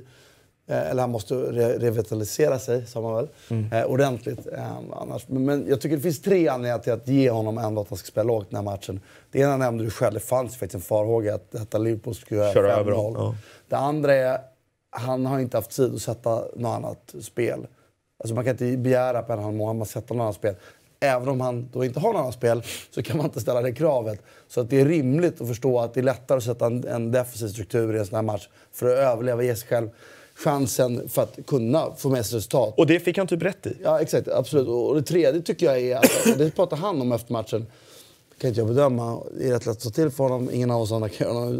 Men han tycker att den fysiska staten är för dålig på dem som orkar inte. Och det är ju en annan sak. rätt i. Eh, Men, ja, det- men du kan, måste- du, det- du kan också se exempel på fler matcher. Utan att ifrågasätta det, nej, exakt, utan att ifrågasätta det du säger, för det, jag håller ju med dig i stort. Bara, I den här enskilda matchen tycker jag det fanns skäl för det. Jag tycker att det är beklämmande ojämnt Tottenham har varit sedan han kom in. De har varit, för jag tycker de gör en jättebra match totalt sett ändå. För i andra halvlek så är det verkligen en härlig match där. Orie var riktigt bra. Davison Sanchez var riktigt bra. Lo Celso var grym. Ehm, ja, och Lucas Mora, kanske bäst av alla. Det var liksom spelare som normalt sett inte är så bra. Det var visserligen en sån match som passade dem. Mindre liksom strukturerna, mycket tuta och köra. Då, då är de här individuella egenskaperna de har problem med besl- beslutsfattningen inte lika illa då. Liksom. Utan det handlar mer om. Men de var väldigt bra. Jag tycker på det sättet gjorde egentligen Tottenham en ganska bra match. Men de har varit otroligt ojämna sedan han kom in. De har gjort några riktigt bra matcher, men varit riktigt dåliga andra matcher. Eh, och det stora problemet för Tottenham här nu är ju att avståndet till Champions League börjar bli stort. Mm. Ja, men det tror jag är kört. Nej, kört är det inte. Men det ska till en väldigt, väldigt liksom... Det måste verkligen börja bli bra. Jag tror, nämligen, så här, jag tror inte att man ska räkna med att Chelsea rullar på. Jag, jag hoppas det, för jag tycker verkligen om de här spelarna. Jag tycker om den tränaren. Men jag tror inte det. Och då finns det lite någonting... fakta kring eh, Chelsea? Som, Ja, här- men du får ja. återkomma till Chelsea, men det finns, det finns så många lag bakom som Tottenham, Wolverhampton, United. Jag tror att Arsenal kommer att kratta, för det kan vi återkomma till, eller bara nämna snabbt. Jag tycker att Arteta, alltså, inga slutsatser kan man heller dra där, men fan vad fort det har gått till att bli någonting väldigt intressant. Det ser sjukt spännande ut. Men det är för kort att dra slutsatser. Men Everton, det finns så många klubbar i det här fall som är på väg uppåt som jag tror ändå kan ta poäng över Chelsea. Som gör att avståndet ändå kan bli mindre om man verkligen går bra. Jag vill bara sticka in en fråga här. När han pratar om eh, den fysiska statusen, antyder han då att de är dåligt tränade Ja. också? Det är det han gör. Ja. Eh, då, då tycker jag, då är ju det, om det stämmer, så är det... Men det stämmer, det vet man ju aldrig. Det är ju Nej, uppenbart. menar, om det skulle säger- stämma så är ju det kanske det viktiga. Jaha, då är det ett lag som inte är fit för att spela. Det, det, låter ju, det är ju katastrofalt Ja, och det så lätt för honom att ta till för det skapar ett utrymme för honom. Så man, Såklart. Men, men, men, och, du har, och du har, för att nyansera det ännu mer då, och ge Mourinho lite mer, eh, vad ska man kalla det för, ursäkt här då på något sätt för att det ser ut som det gör och att, de, att det har varit som det har varit. Så, eh, så är det ju det faktum att de var inte bra under ett år under Pochettino innan. Det, han ärver ju inte ett lag som sprudlade, verkligen inte. och de har mycket skador. och, och, och det har funnits problem med andra aspekter av truppen också. Att Eriksen lämnar nu för Inter vad det verkar är ju tror jag en bra sak för dem. För att det är en stor, liksom en, stor, en stor investering och spelare och lönepost för dem som har varit bärande i tidigare lagbygge som de inte kan rekonstruera på det sättet. Så att, eh, och sen håller jag med Martin om att den här matchen kanske inte är det bästa exemplet för att klaga på då Mourinhos ansats. Utan jag pratar mer om en helhetsintryck av den första tiden. Hur han, har, hur han har pratat och hur Tottenham har uppträtt. Det finns ju insatser förutom den här som har varit graverande på ett annat sätt. Där, där tecknena är... Hade det inte varit Mourinho hade man kunnat säga ja, ja det är tidigt. Men det är Mourinho och eh, dragen är där. Liksom. Det jag skulle komma till, apropå när du säger eh, med, med Chelsea, så är det deras expected goals, vad, nu, vad man kan ge för det, men tydligen är att, eller fakta är att de, har, eh, de borde ha gjort betydligt fler mål än vad de, eh, än vad de har gjort. Alltså, de har skapat tillräckligt mycket för att göra fler mål, har inte varit tillräckligt kliniska. Även fast Abraham är den eh, första eh, engelsmannen alltså, som, eh, i Chelsea som gör 15 mål eller mer. Eh, och sen så borde de ha släppt in eh, färre mål eh, och då är det inte bara en, en kepa-problematik utan det är liksom det strukturella, någonting som också ärvt fasta situationer och så här som de var dåliga på under förra året. Så att Chelsea bör egentligen då kunna ha mer poäng och har ju då, trots att de då har fem poäng ner till till eh, Manchester United har ju gjort några plumpar, eh, i synnerhet på hemmaplan, eh, där de inte, alltså matcher som de inte ska torska på det sättet och har ju haft svårt att lösa upp lågt stående lag och det var ju ganska intressant i helgen när de mötte Burnley när folk inför matchen, när lag, laget släpptes, så var ju folk, vad håller han på med? Han har ingen koll, vad är det för skitlag de ställer ut och sådana saker. Och gör då processen relativt kort med, med Burnley, 3-0. Ja, Så den att, här eh, högerkanten med Hudson Odoi och Reece James såg ju riktigt bra ut. Jättebra och sen så fick ju att eh, Ross Barkley spela så var ju folk upprörda över det. Eh, Kanté skadad och, och sådär. Eh, Christensen tillbaka in i laget som inte hade spelat innan. Så att eh, det, det rör på sig där. De Eh, ska köpa, om jag verkligen, verkligen skulle vilja... en mittback. Ja, Koulibaly. Alltså det hade varit så grymt för dem. Och nu är, det, nu är det Dunk som det ryktas om. Ja, det är ingen dålig värvning, men om du ska betala 50 miljoner euro var för honom så kan jag tycka att det är värt att lägga på 30 till och få Koulibaly. Men det gör det. De har ju, ska vi säga, problemet också i Chelsea är ju det, det finansiella. Eh, de har ju inte råd att inte spela Champions League-fotboll. Eh, Ännu större anledning till att satsa. och eh, Abramovic fick ju gå in och täcka över 200 miljoner.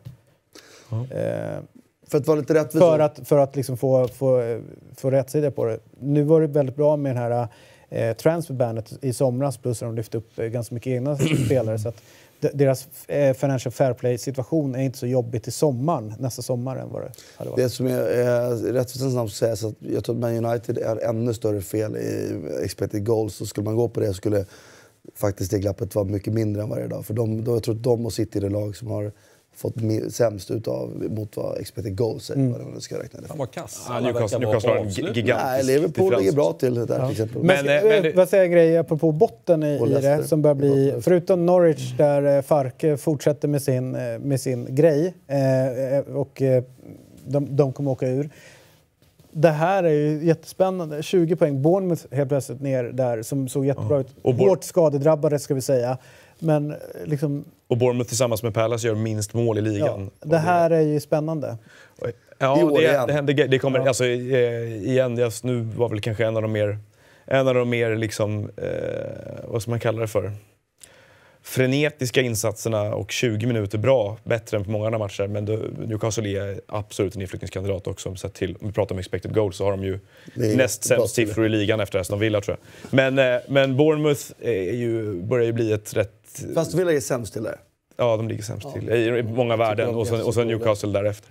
Men, men Bournemouth är ju ett, är ju ett lag som, som är, börjar bli ganska intressant. Vi pratade väl lite om det här, eh, om det var i torsdagsprogrammet, men att Media och den här frågan om när man som tränare ska, ska, ska känna själv att det är dags att, och hoppa på något annat och sådär. Att Hans aktie stod rätt högt här under två, tre år och, och med all rätt. De gjorde ett jättebra jobb tog, när de tog sig upp och han har gjort ett bra jobb att bygga spel med dem och sådär. Men är det någonting som börjar bli ganska beklämmande för honom så är det ju hans oförmåga att använda pengar till att förbättra laget. Att de blir... Men de har ju fortfarande inga pengar. Ja, de, lägger ju, de har ju lagt på jättesummor på, lön- Solanke och det är liksom... På omsättning. Jag blev förvånad nämligen över, alltså jag, jag ska inte svära på det här nu då, men när jag tittade igenom, eh, då, då är det 2018 års siffror då, förstås. Då, 17, 18, kommer från 18, 19. Sammanställer dem väldigt bra. Eh, då, då såg det de är ett lag som ska åka ur varje år. Ja, men, jo, nej, men lönebudgeten är väl så. Men jag tittar på vad, Ja, hur, hur, hur han har förbättrat då. laget sen de kom upp. Så har du, han har lagt stora övergångssummor på Jordan Ibe, på Dominic Solanke, på Jefferson Lerma. Och de, och de spelarna har inte förbättrat laget. Och det är väl det som jag tycker är det jobbiga för dem. Att han kunde bygga ett väldigt bra lag med, byggt på Callum Wilson och jag, Simon jag få Francis. och frågan, men jag, jag tror fortfarande när vi pratar omsättning att de ska... Alltså, jag tror att det är de, Norwich och Sheffield United som ska åka ur. Ja, Och Sheffield är där nere, absolut. Ja, de har eh, lägst budget i hela ligan tror jag. Ja, om inte Norwich hade läget. Nej, men- ja. Strunt samma. I alla fall, men Bournemouth, också med, med, då, med flera år kvar i ligan. För, för, för Howe är det som jag är intresserad av här, inte så mycket Bournemouth som klubb. Att, eh, men vad menar jag? var är han nu? Liksom, i, i den, i den, är han aktuell nu för ett jobb, ett större jobb i en större klubb med större resurser? Han hade ju varit, precis som du säger, för något år sedan. Ja, han hade det. Det- Varför skulle det inte vara det nu? För jag menar, någonstans i det här, om de nu ligger där nere så blir det liksom nästan normalutfall vad det borde vara. Ja. Bara för att han har inte överpresterat alla andra år så är det Nej, och jag, jag vill komma till är att en smart klubbledning ser det. De ser också att, för att jag tror han som alla andra tränare har viss brintid i en viss klubb. Du, det, det här vi pratat om med Simeone och med Pochettino i Spurs, det här med att bygga om lag. Att liksom att, ja, du, har en, du har en färdig produkt och när den börjar liksom, den måste efter ett tag förnyas på något sätt, revitaliseras. Eh, men, men, att det, men, att det, men, att det, men att det i hans fall, liksom, ja den piken kanske har passerat nu då och att en, en, en klok klubbledning här ser Howe för, för jobbet han har gjort och, att, och, att, och lyfter in honom då. För Men eh, får jag säga, det, det, det, jag håller med lite grann, för jag satt precis som du blev lite fascinerad över... Man kan ju se, man kan argumentera för att ta sig upp och etablera sig är jättesvårt i Premier League, eh, just med liksom det, det finansiella. Om man är där uppe några år så kommer de här pengarna kicka in och då kan man liksom på något sätt bli ett stabilt... Vi pratade om Watford tidigare, eh, eller om det var innan programmet. Eh, och liksom Crystal Palace kan man argumentera för också, har liksom börjat cementera sin plats för att få in massa pengar eh, när man ser vissa spelare, och jag säger absolut att han inte har samma omsättning eller lägger så mycket, så han ju ändå, han har ju liksom gått pratat pekat på vissa spelare. Det här ska bli de som ska göra det för mig och ta nästa steg. Ja, det är det jag menar. Och då är det de som Lanke till exempel. Alltså, som jag har sett jättelovande i Chelsea, kom fram lite Mm. för tidigt i Chelsea innan ungdomsrevolutionen, gick till Liverpool och där ska han liksom blomma och köps till ett överpris någonstans Mm. eh, ner till Bournemouth. Så att han har ju liksom inte fått den effekten på sina värvningar. Och det tror jag, när klubbledningar kollar på honom, till Ja. exempel, vad får han, liksom hantverket, vad får han ut av sina stjärnspelare? Ja, för det, för det, precis, det Och är där är Graham. Potter till skillnad. Liksom. Okej, han kan ju ta lite sämre spelare och liksom 15 utveckla bäst. sig. Så.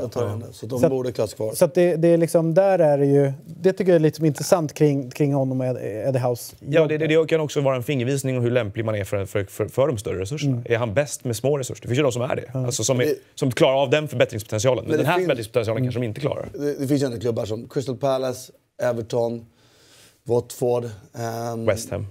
West Ham, Southampton, Newcastle. Det är Mm. klubbar där en sån som Eddie Howe hade varit intressant att se. Ja, absolut. Och Bra val för de lagen. Newcastle, absolut. Ja, det borde ändå tilltala honom. Liksom. jättegärna. Och jag, jag är inte heller enig, helt säker på att, att han kommer lyckas. Jag tycker bara att hans aktie borde rimligtvis stå ganska högt i kurs. Precis som vi pratar om Norwich och Farke, så tycker, de har ju också, gissar jag då, ligger väldigt, alltså de har fått väldigt lite ut av expected goals. Ingen sanning i sig, men om man ska dra en... Jag tycker de har spelat mycket bättre, de har skapat mer, de borde ha tagit mer poäng än vad de har gjort. Eh, de tog sig upp dit till den här nivån tack vare att de hade det sättet att spela. De måste resonera så här nu. Sparkar man Falken nu och sätter in en mer cynisk tränare så ökar chansen att överleva. Absolut. Men vad ökar deras chanser att etablera sig på sikt då? Nej. Och det är det man måste någonstans... För vi pratade om, du pratade om hockeyn innan. Har man gått upp med en överprestation så måste man förstå att man åker ur med normal prestation. Eller åker ur kanske med en överprestation. Men förra året- måste man ju tänka på, okej, Ja, helt rätt. nästa steg, vad är det? Så Men om, det är man väldigt, dem, väldigt svårt. men om man följde dem förra året in, eh, så tycker jag liksom att det sättet att spela, och det sa jag även innan, Mm. att det är på hemmaplan som de kommer ta sina poäng. Men eh, Pukki till exempel är ett exempel och många andra att det är svårare att göra mål i högsta ligan. Det är svårare att få effekt på det sättet de spelar i den här ligan. Absolut. De skulle ju behöva, om liksom alla stjärnor står rätt, klara sig det här året och kunna spetsa laget lite grann mer. återinvestera pengar. Men de gjorde det smart. De gick ju upp och köpte inte sönder sig därför Farke sa på försäsongen nej. Sammanhållningen är viktiga för oss. Att bygga klubben i stort är viktigare för oss än att gå som Aston Villa. Jag tror att de är uppe i 16 nya spelare nu från det laget som gick Lagt upp. en och en halv miljard. Eller? Ja, jättemycket En pengar på det. Och liksom, Ja, det om de frågan- åker ur så har de liksom inte Frågan vad du har, vad har du för sammansättning Exakt. då liksom? Det, Men jag hävdar ju att Aston Villa är ett lag, jag kan inte spela spelarna så initierat, men tittar man vad man har köpt och vad man ändå ser kvalitet, individuella kvalitet på plan så tycker jag att det är en sjuk underprestation att inte få ut mer i spelet än vad de får. Jag måste säga Ja, att men jag sen är de det, tränarna ser men, ut ja, men, ja, men inte bara det. Det är ju också Dean Smith fick nytt fyraårsavtal här för en månad sedan bara. och, och, om man då ska hårdra det, jag tror att man ska Men peka lite, lite hög, högre upp. Så här. Ja. Alltså få ihop... Man brukar säga så här, man ska göra några förändringar i ett lag, det är alltid bra. Men nu sitter du ett helt, det sitter ett helt nytt lag i det omklädningsrummet. Eh, som ska börja hitta sina roller och, och, liksom sina, och, och spela ihop. Det är ju helt sjukt det de gör. Eh, och där är det ju, då är det det du brukar prata om. Skiten kanske inte är tränaren och neråt, utan det är från högre upp och ner till tränaren. Det är där de Men det borde likväl få ut... För jag tycker det som stör mig när jag ser dem är att jag ser ju liksom, det är väldigt mycket High Chaparral när de spelar fotboll varje match. Och det är det som, och det tycker jag, oavsett vilket material du har fått, så får du ihop ett spel som man ser linjer i. Och det ser Ja. jag inte hos dem. Eh, Men, men, eh, så Men här- sen så otur med skador får man ändå säga nu på slutet med deras...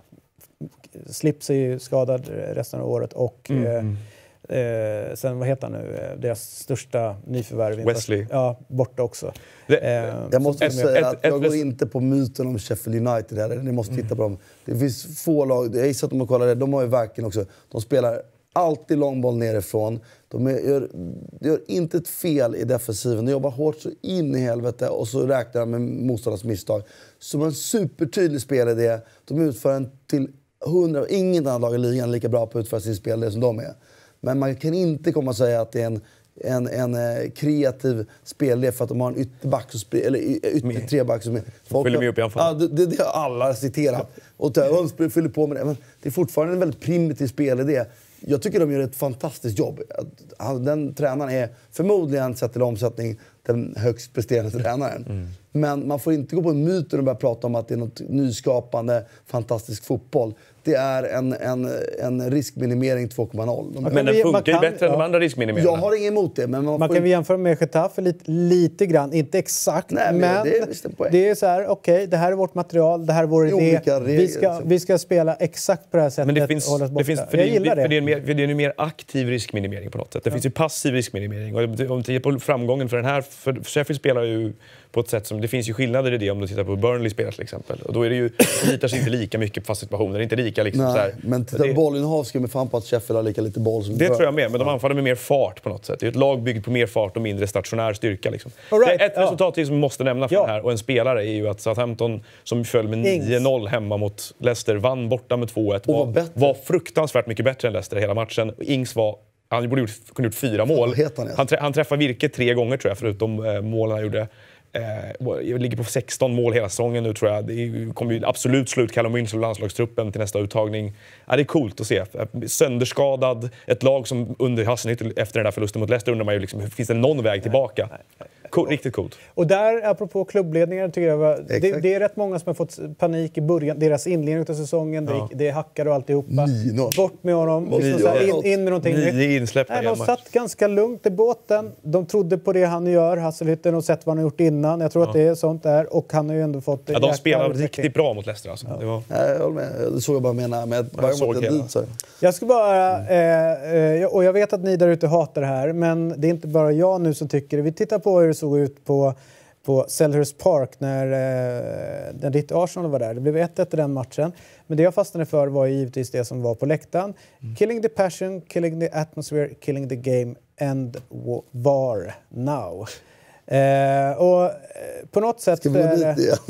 Nej, jag vill bara säga eh, det är intressant att som det är just nu så är det supporterna är emot det, jävligt mycket spelare är emot det, men de som på något sätt eh, är utanför spelet någonstans men ändå är i spelet är för det. Det är ju nu att det är två av tre parter liksom som verkligen är motståndare till det. Och det är ingen sport utan eh, de som går dit och tittar på det. Det blir inte den här eh, inramningen. Och, och, och spelarna som faktiskt börjar bli eh, helt knäckta över någon millimeter offside, alltså när man är på den nivån. Eh, så, så jag tror att det är jävligt viktigt att man tar det här på allvar. Inte bara slaggar bort det som att det blir oh, vilken jobbig diskussion där eller är vi där igen eller det är viktigt med att det blir exakt rätt utan någonting håller på riktigt på att gå sönder nu eh, runt, runt VAR och det, eh, det det enda jag vill säga runt det hela. Jag tycker att det är beklämmande. Declan Rice gjorde sig ju till språkrör för alla spelare i ligan efter matchen mot Sheffield United där West Ham fick ett bortdömt mål i sista minuten och sa att alla spelare ville ha bort det också. Jag vet inte om han, om han Ja, hade mandat för att säga det. Däremot men, var beslutet rätt. Ja, det var det. Men, eh, men jag tror inte det som är... Det, är väl, det verkar ha hamnat i skymundan nu huruvida blir rätt beslut eller inte. Så hade jag spelat i det laget som hade fått mål mot mig så är jag väldigt glad att VAR fanns. Jag, jag undrar om hur många Sheffield United-spelare som höll med honom där och då. Jag undrar det också.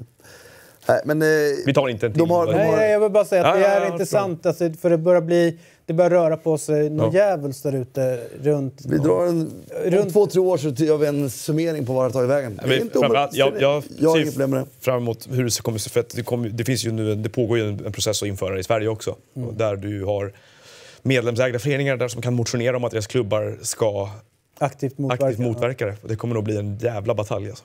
Kul. Ja, och jag, jag vet ju Politik. att Malmö är på gång att skriva, Norrköping, Halmstad har jag sett, AIK kommer skriva, jag tror att Djurgården Det också. kommer bli, det kommer bli stökigt. och om klubbarna då som äger SEF eh, Säger inte, nej. säger nej, då kan det inte införas. Eh, så enkelt är det. Men det vore också kul, för jag tror ju inte att, att, att eh, Discovery som äger rättigheten vill att det ska införas heller. För det, innebär, för det är väl de som ska ta, eller de eller SEF ska ta produktionskostnaderna. SEF tror jag. Det måste vara sex kameror varje match. Jag tror att Discovery har, skulle förmodligen ha sänt varje, ungefär Beror- 70% av alla matcher med tre kameror. Vi får, väl, vi får väl inte samma avancerade varuteknik som i Premier League. Å andra sidan. Kan inte det påverka antalet kameror?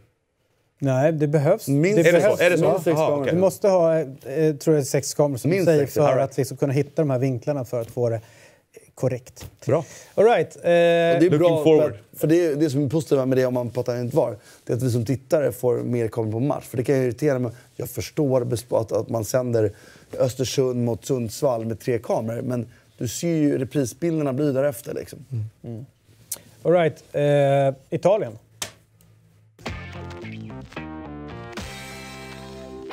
Vi pratade lite grann om Juventus innan. Jag tycker vi ska prata lite grann om eh, eh Roma också. Den matchen avgjordes igår kväll. Det var den sena matchen på Stadio Olimpico. Innan vi går in på matchen, saker som har hänt sen vi sågs sist som jag tycker är jävligt viktigt att uppmärksamma. Det är Daniele De Rossi har slutat eh, och han har meddelat det. Han bröt sitt kontrakt nere i Argentina eh, därför att det funkar inte med familjesituationen och nu har han liksom eh, spelat sin sista fotbollsmatch. Jag håller absolut inte på Roma, men i min bok så är det en av de härligaste fotbollsspelarna som man har fått uppleva. Eh, i, I liksom att han, han hade fan allt. Han kunde ta liksom, de var en del och göra det bra i de smutsigaste och hårdaste eh, matcherna och han kunde vara lika jävla viktig och instrumentell i de mest eleganta matcherna. Eh, och han kunde ja, skjuta från avstånd, han kunde, ja, han kunde allt. Eh, Och, och, och om det inte vore för att han kom fram lite för nära in på Totti så hade han fått ett ännu större liksom, eh, utrymme och eftermäle än vad han faktiskt får. Så att, eh, det här är en av de som jag tyckte var genuint tråkigt att han slutade spela fotboll. Ja, fast inte överraskande någonstans. Nej, absolut vi, vi, inte. Vi, vi sa Nej. ju det eh, i programmet här, kommer jag ihåg, att, sa det att det här kommer... Eh, jag, vet, jag inte om vi bråkade om huruvida det var bra att han skulle åka dit. Men, Det var ju svinbra.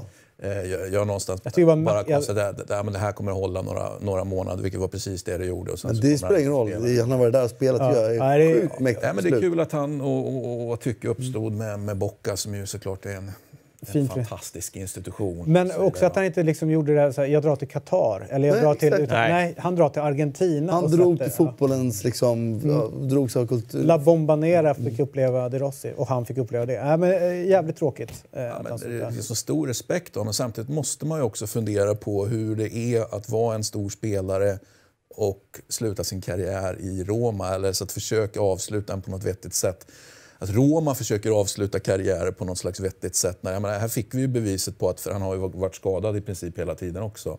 Alltså bevisligen, han, han klarar inte av att spela på den nivån längre. Ändå så hamnar Roma i den här fighten liksom i, i, i somras. Det, det, och det var ju inte första fighten utan det fanns Nej, ju Totti-fighter och allt möjligt annat. Så att man ska också tänka lite grann på vad, Roma... Alltså det måste gå att göra bättre och värdigare ur ett Roma-perspektiv. Men de är jätteroliga på Twitter. Ja, de är världsbäst på Twitter har jag fått Ja, höra. till och med det. Ja. All right, matchen då. Eh, och, eh, ja, om vi börjar i Roma-lägret då så eh, ni kan ju det taktiska bättre än jag. Emellanåt så tycker jag det ser rörigt ut i, i defensiva omställningar för Roma. Alltså det, det blir det är väldigt mycket... Det ser stökigt ut eh, runt det hela. Men eh, eh, när de väl eh, ligger rätt och spelar sin fotboll så tycker jag att eh, det ser, eh, ser bra ut för, eh, för detta Roma. Och har ju då såklart en, en realistisk chans på Champions League-fotboll nästa säsong. Eh, och den som sticker den- ut är ju Diawara.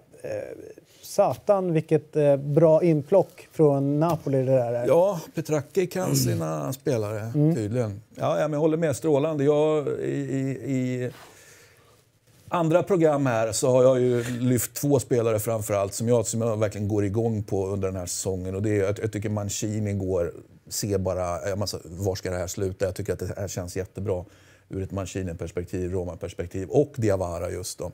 Där de poletterna tycker jag, som all respekt för Pellegrini poletter och Sagnolo poletter och alla dessa poletter, men de två och jag menar Chris Smalling som har överraskat alla genom att vara så bra. Va? Men, men den framtiden man har i Diawara och Mancini, oj oj oj säger jag. Diawara, absolut. Och vet du vad? Diawara, det känns ju som skrattretande att Napoli kollar på Lobotka från Celta nu. Som sitter man bara, kom igen den där jävla...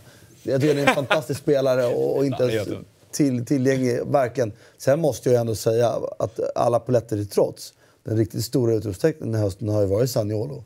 Han har ju tagit ytterligare kliv. Han har ju varit, han har varit så dominant så att det har varit skrä... alltså, Och nu gick han sönder. Korsbandet gick sönder. Så Romas Champions League-chanser fick sig en mycket större törn. Men visst är det konstigt för att eh, rapporterna inför och i veckan var ju att han hade problem med knät Mm. in, inför.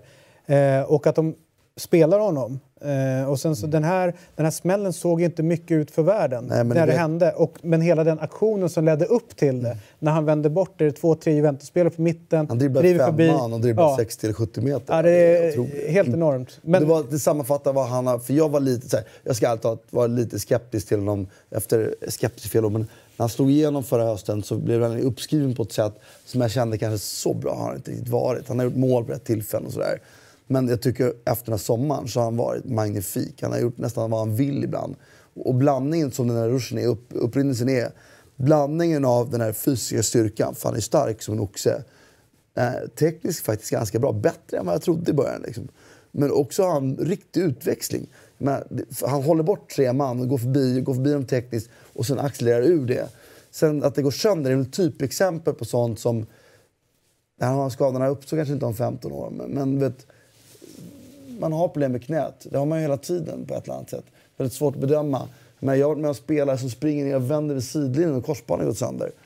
Därför att de var så liksom, felbalanserade. De har problem med knät. Men äh, man vill ju spela.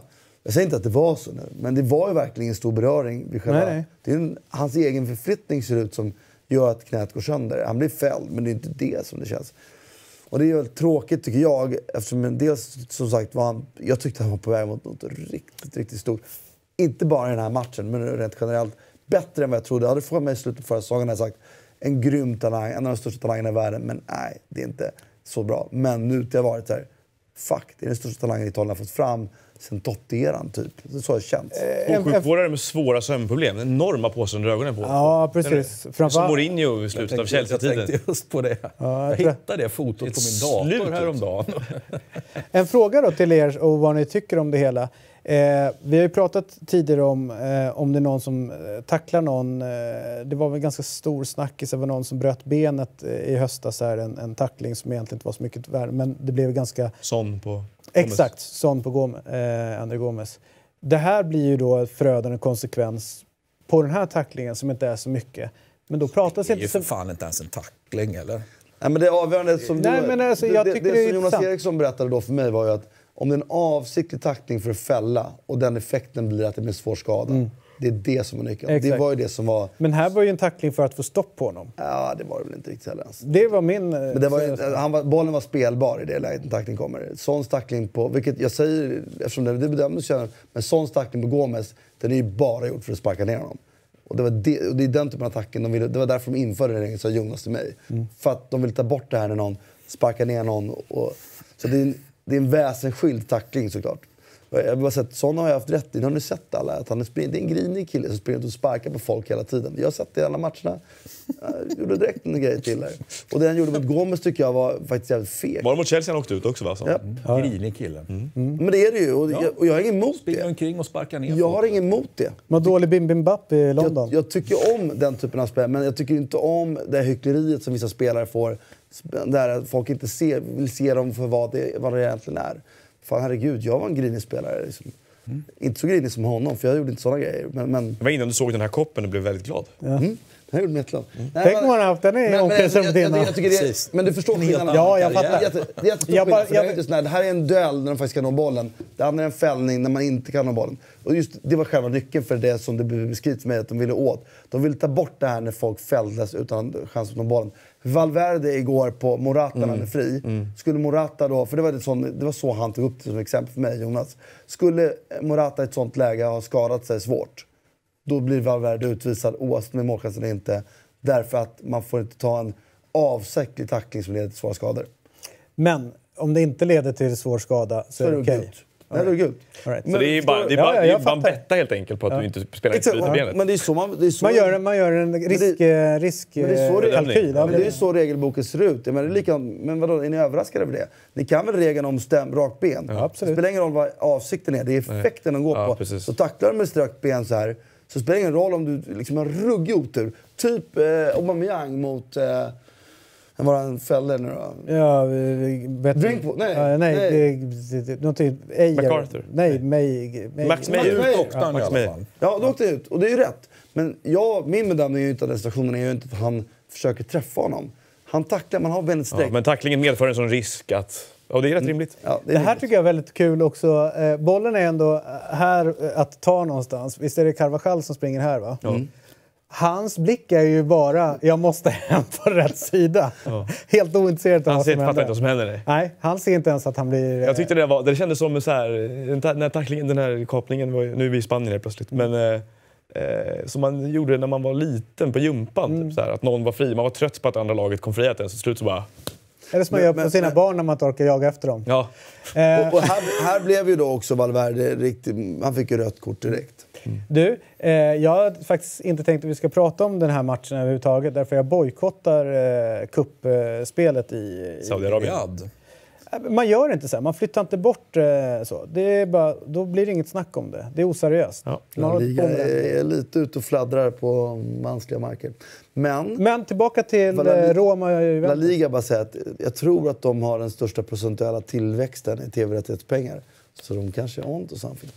Men för mig går det är någonting sönder. håller Där. Eh, jag ser matchen ändå, men jag håller med. Man, man, Nej, jag, jag stänger ner helt. Bara kolla inte. All right. Eh, dr- eh, Här är ett bra exempel på en spelare som har varit fantastisk under hösten. Som jag tycker då... Min, min bild av honom efter föregående år har varit att han är jävligt bra när det stämmer, men inte bra när det inte stämmer. Igår var det en sån där match igen nu, när han inte var så bra.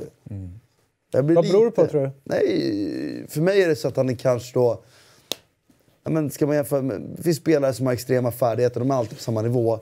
Spelare som har liksom potens, potential och har en förmåga att, att få ut mycket av den personen emellanåt, men egentligen inte deras riktiga nivå. Jag får att han är typ en sån spelare. Jag vet inte. Wow. Jag tycker han är fantastisk. När det stämmer för honom. Eh, apropå eh, skador då. Eh, Demiral gör mål och sen så landar han ju illa. Eh, och det, det sjuka i det här läget är ju att jag, nu vet, har inte jag läst vilken skada det är. Det verkar vara knät. Som, eh, som, Det är ju knä där också, precis som man har undersökt i detta nu. ja, va? men när sjukvården säger, eh, och såg ni det, att han stod ju liksom och ville ta byte på honom redan nere utanför straffområdet.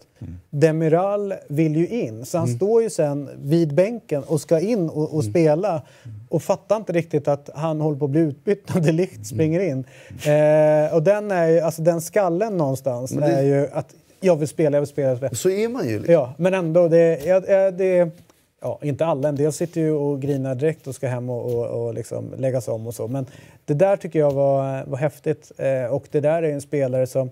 Har han inte fått för lite eh, speltid sett till eh, potential och nuvarande eh, kunnande? Eller är det bara skador som har satt det? Fast han har ju petat det likt nu. Nu ja. Ja, ja men alltså, hur, många, hur många matcher in är vi i säsongen? Alltså, du får ju tänka, vi har inte spelat 25 matcher än. I alla fall inte ligamatcher. Sen Eh, Champions han, League, han, har Coppa red- Italia. han har redan eh, då, eh, petat det lite. Vänd- Det är ju så man måste få se på det. Vänd på det. Det kanske var bra att... Alltså, för båda två fick ju speltid. Potentiellt sett skulle båda två kunna få speltid snabbare än vad har tänkt. Eftersom Chiellini gick sönder. Det kanske var skönt att han fick jobba lite i det lugna och inte bli inkastad direkt som Delict blev. För Delict var ett större namn. Liksom. Hur länge håller Bonucci sin plats tror ni? Ja, men, alltså, all, jag, jag tycker ändå... Sarri gillar ju den typen också mer. Ja, men det sättet han ändå gör det på, är med? Det var liksom, han, alltså, han börjar säsongen, eller, eller i alla fall liksom, Chiellini out och liksom De Ligt in och, och, och sen Demiral och så Demiral. Alltså, är det inte helt fantastiskt hur han bara anpassar sig till alla de här och bara måste väl ändå säga det är han, det är han som håller fanan i backlinjen. Både ja och nej. Och jag håller med dig absolut att han gör det.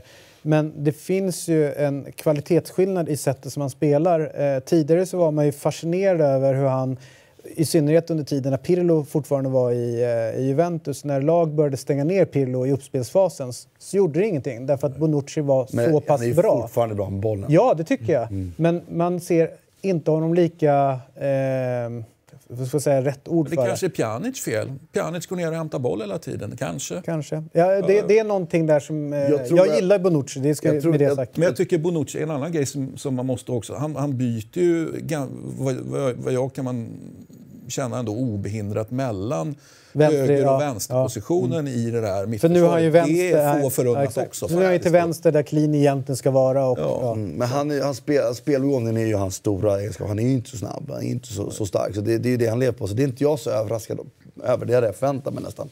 Men jag tycker fortfarande att, att han behövs verkligen. Och att, jag tror att behovet av honom har ökat med Sarri som tränare. För att han kommer inte vilja ha Chiellini och Demiral som mittbackar. Utan han kommer vilja ha en spelande mittbackar, mer spelande mittbackar. Ki- Alltså, Chiellini är ju... Bättre än vad man tror med, med som eh, Skulle uppspel. slänga in någon med allsvenskan skulle han förmodligen vara de bästa fastighetsspelarna i hela allsvenskan. Alltså, Det är på den nivån det är liksom. Det roliga när man pratar med folk som har spelat med honom, Mm. till exempel Albin Ekdal. Eh, och då säger han så här, till att börja med eh, så är det jag är hemsk att möta. Det gör ont bara man tittar på honom. Alltså det, det är, han- Notiga Ja, och det är bara Nej, alltså, men Ser, alltså, ser ut, det gör ont. Titta. Ja, eh, alltså bara springa in honom så gör det, det gör ont överallt eh, för att det, han är stenhård. Men att hans spel eh, med bollen är betydligt bättre än vad folk tror. Att man, vet, om, du, om du vill ha bollen och det är bra läge, den sitter där. Liksom. Det är inget snack. Eh, så att det är ju kul att se. Nej, det, Ehm, men eh, totalt sett en bra match mellan Roma och Juve eh, som, som man fick titta på. Eh, jag satt ju också givetvis och kollade in Cagliari eh, mot Milan. Vi har pratat lite grann om Zlatan, han har gjort mål och jada jada sådär.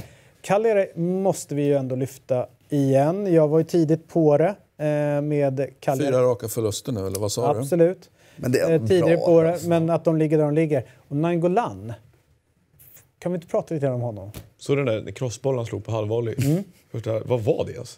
Ja, det är, eh, Det är inte jättemånga spelare som Nej, det. och även om man säger så här, gå ner, som man ändå gör, till ett sånt provinslag. För sin fru. Ja, men ändå att liksom på något sätt bibehålla samma, Mm. Nej, jag ja, men samma liksom, beslutsamhet och samma liksom, vilja. att- vad som helst hade ju kunnat hända, Ja. faktiskt. Och man, och det det är någonstans kan man ju vara ett bra... eh, Vem som satt ner med, med Radja och pratade. Jag tar för givet att det är sportchefen som ska hyllas här. Kanske att tränaren också gjorde, kanske present. Men att verkligen kolla att Visst, vi ska också stå upp för Radja i familjesituationen men vi vill också ha någonting ut av det rent sportsligt. Eh, bra samtal och eh, kor korrekt bedömt. Liksom, att Robin Olsson, de, de, de kan såna grejer där. Radja bra helt enkelt. Va? Men en grej som jag tycker är intressant nu, och det har ju faktiskt de här fyra raka förlusterna har ju i alla fall i min värld kommit nu när diskussionen apropå Radja har börjat bli det. Men vänta nu, vi, vi har ju inte råd att lösa honom till nästa år. Han kostar ju för mycket. Han är bara på ett vanligt, eh, vanligt lån utan med klausuler och allting annat. Och, och Inter har lagt massa pengar för honom.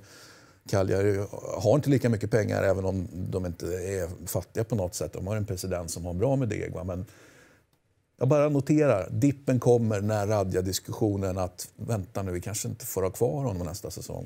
Hur stort problem tycker ni att den här uh, vänsterkanten är för, för Milan? Jag tycker att om Gillar jag du då, Theo Hernandez eller? Han blir väldigt exponerad uh, själv där ute för Chalanoglu är inte den bästa defensivt och sen rör han på sig ganska mycket och det var ganska tydligt, tycker jag, att, att Cagliari hade gjort en läxa och försökte gå ganska mycket där. Men jag gillar Men det Theo Hernandez tycker jag var bra. va, om man tittar på uppställningar, det är ju såklart att du har, att du har bytt spelsystem i, i Milan. Det, Och det tror jag inte riktigt på. Tror du det? Att de har bytt flavor. Nej men ja, men att det är bra för dem. nej, nej, det vet jag inte om, om det är bra, men jag vill bara notera att de då... Det är väl en rätt tydlig Zlatan-anpassning där. det. eller? Och jag Ja, tänker, det skyddar ju, ett 4-4-2 skyddar ju ändå lite bättre. Jag tänker om de bara hade varit tre där och Chalanoglu kanske hade, hade spelat så hade väl... kanske Problemet, problemet blir ju nu när Chalanoglu, eh, han, han vandrar ju ganska Mm. mycket och eh, sen när det blir omställningar så är ju inte han på plats där och då blir det ganska rörigt. Alltså, Nej, det och blir hål på grund Jag tror utav att det. Bonaventura är en mycket bättre spelare och spelar 4-4-2 och honom till vänster. Utan att tappa allt för mycket kvalitet. Om han nu håller för, för 90 minuter eh, match efter match, det vet jag inte.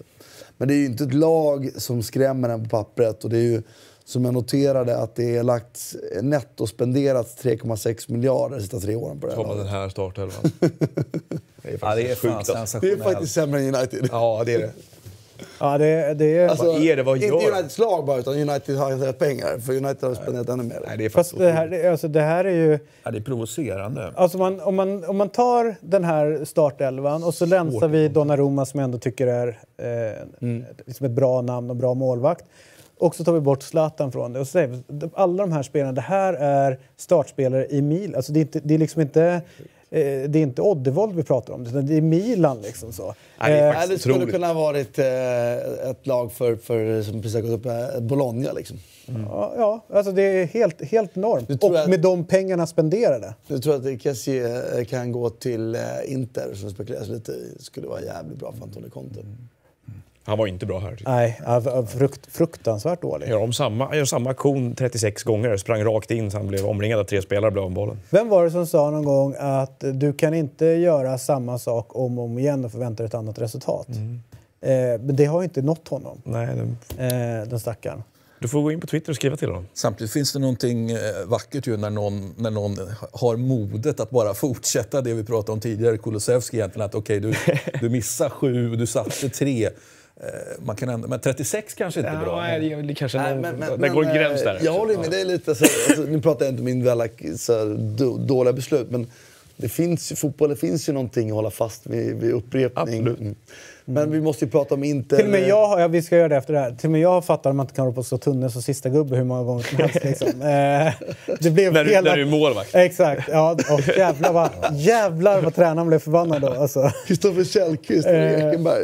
Ja, ja, visst. det är det Eh, sjukaste jag sett. Nej, men så kan det gå. Eh, 37 procents bollinnehav eh, hade Inter i matchen mot Atalanta på hemmaplan.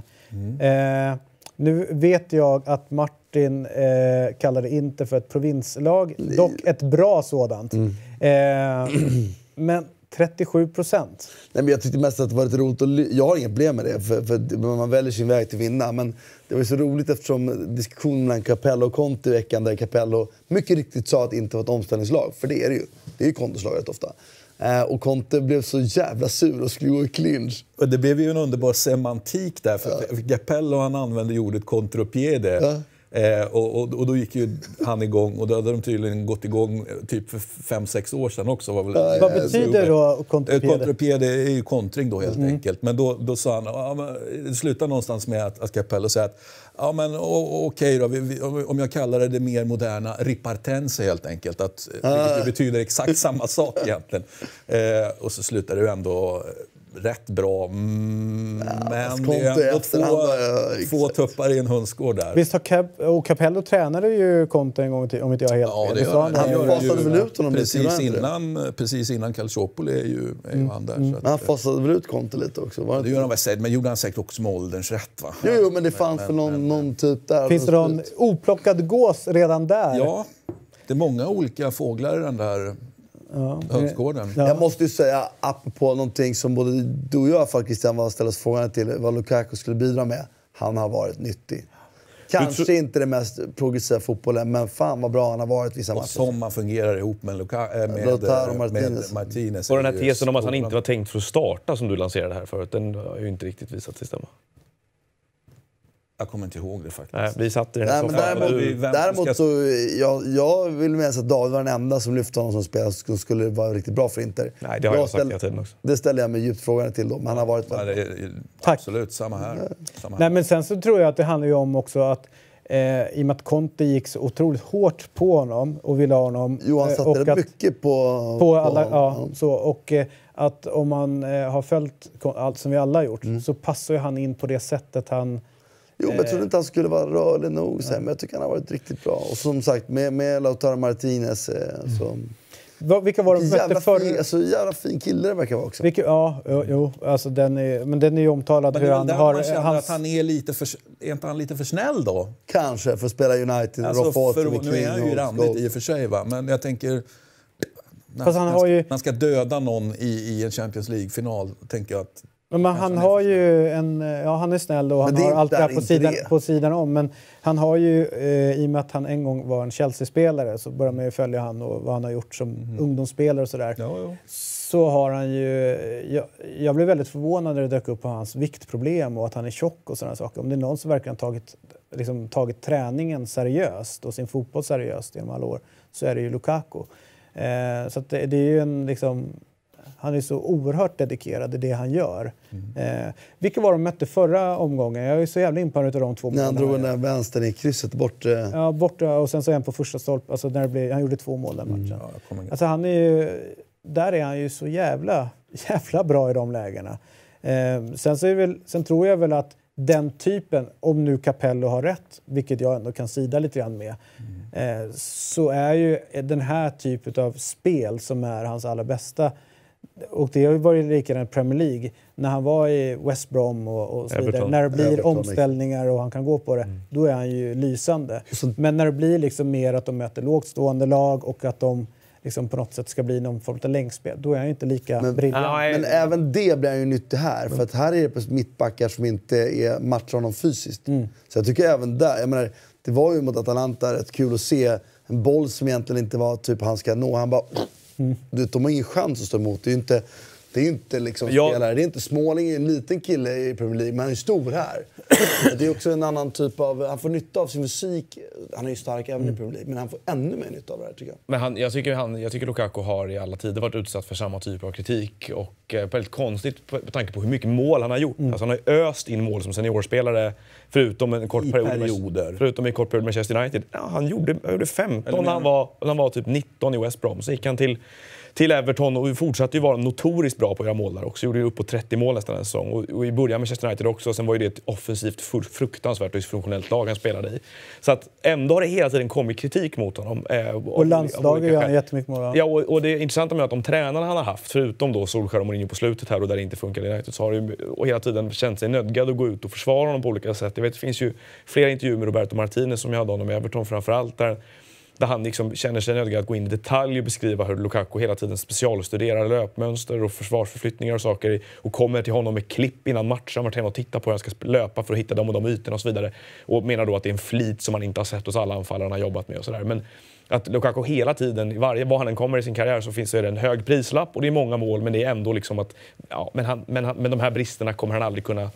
Och han har de här bristerna och de här, liksom, han är inte han får aldrig det här fem, fem getingar-betyget och det har att göra med någonting som ja, han och hans tränare tycker jag liksom gör allt de kan för att bevisa att det inte är så. Alltså, han var verkligen han inte bra i början. ut, eller hur? Alltså, Han kan nog ge det intrycket ganska mycket ja, men jag tycker alltså, att han är... motorikgrej, Han, eller? han, var ju Ja, dålig, han var ju dålig i början i Inter också. Alltså det första månaden var han men ju... det- Men det var väl träning rätt mycket känns Ja, som. han behövde- Orörlig av det kanske. Ser man, ut- ser man ut sådär så behöver man förmodligen ha kontinuerlig... Alltså Ja. Det är viktigare om man är, väger 92 kilo, vad kan han väga? Men det tycker jag, det får komma tillbaka till det då, att han har ju i, i många klubbar han har varit förbättrat sig och blivit bättre. Det gäller ju fortfarande, United är undantaget då här, men även i landslaget. Att, han verkar kunna lära sig, och bara en sån sak. Du har ju det är ju spelare som förblir lika bra sig men är att de är ju 18 och 30 strålande, hela sin karriär. Men jag tycker han, han har han, i många fall liksom, verkar väldigt mottaglig för, för att coachas. Liksom.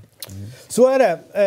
Eh, tiden eh, rinner på. Eh, vi Bara- måste bara säga, det tycker jag är bra på VAR. Hur de kunde missa den här eh, som Lautaro Martinez drar i Toloi. Det är en men det har ju också fått effekter. Han är ju avstängd domaren eh, efter det. det. Sånt där hanterar de väldigt bra i Serie A. Jag tyckte, apropå domare, jag tyckte han var fullständigt iskall den här eh, domaren eh, Stinsen som sprang runt Roma Juventus igår.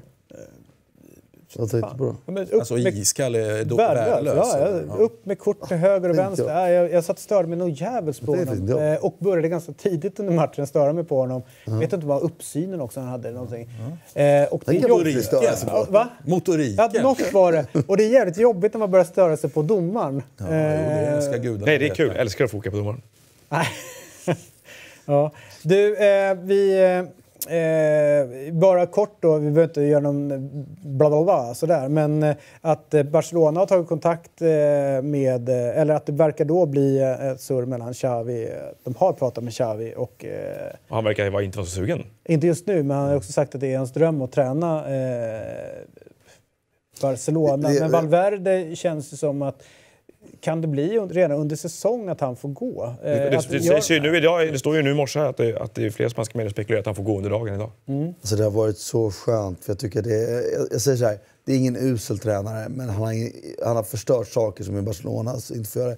Konstigt nog så förlorade de ju faktiskt mot Atletico Madrid på ett sätt där de faktiskt spelade ganska Barcelona-S. De spelade faktiskt väldigt bra. Offensivt var de ju riktigt, riktigt bra. Och så var Piqué faktiskt bedrövlig i tre försvarssituationer. Inte ensam alla tre, men han var dålig alla tre. Menar, det, här, det, är ju, det, är, det är mer Barcelona att förlora så. Ösa på framåt, vara grymma offensivt och sen att släppa in tre mål bakåt ändå. Det har jag större respekt för. Så nu föll han ju faktiskt Barcelona-vis.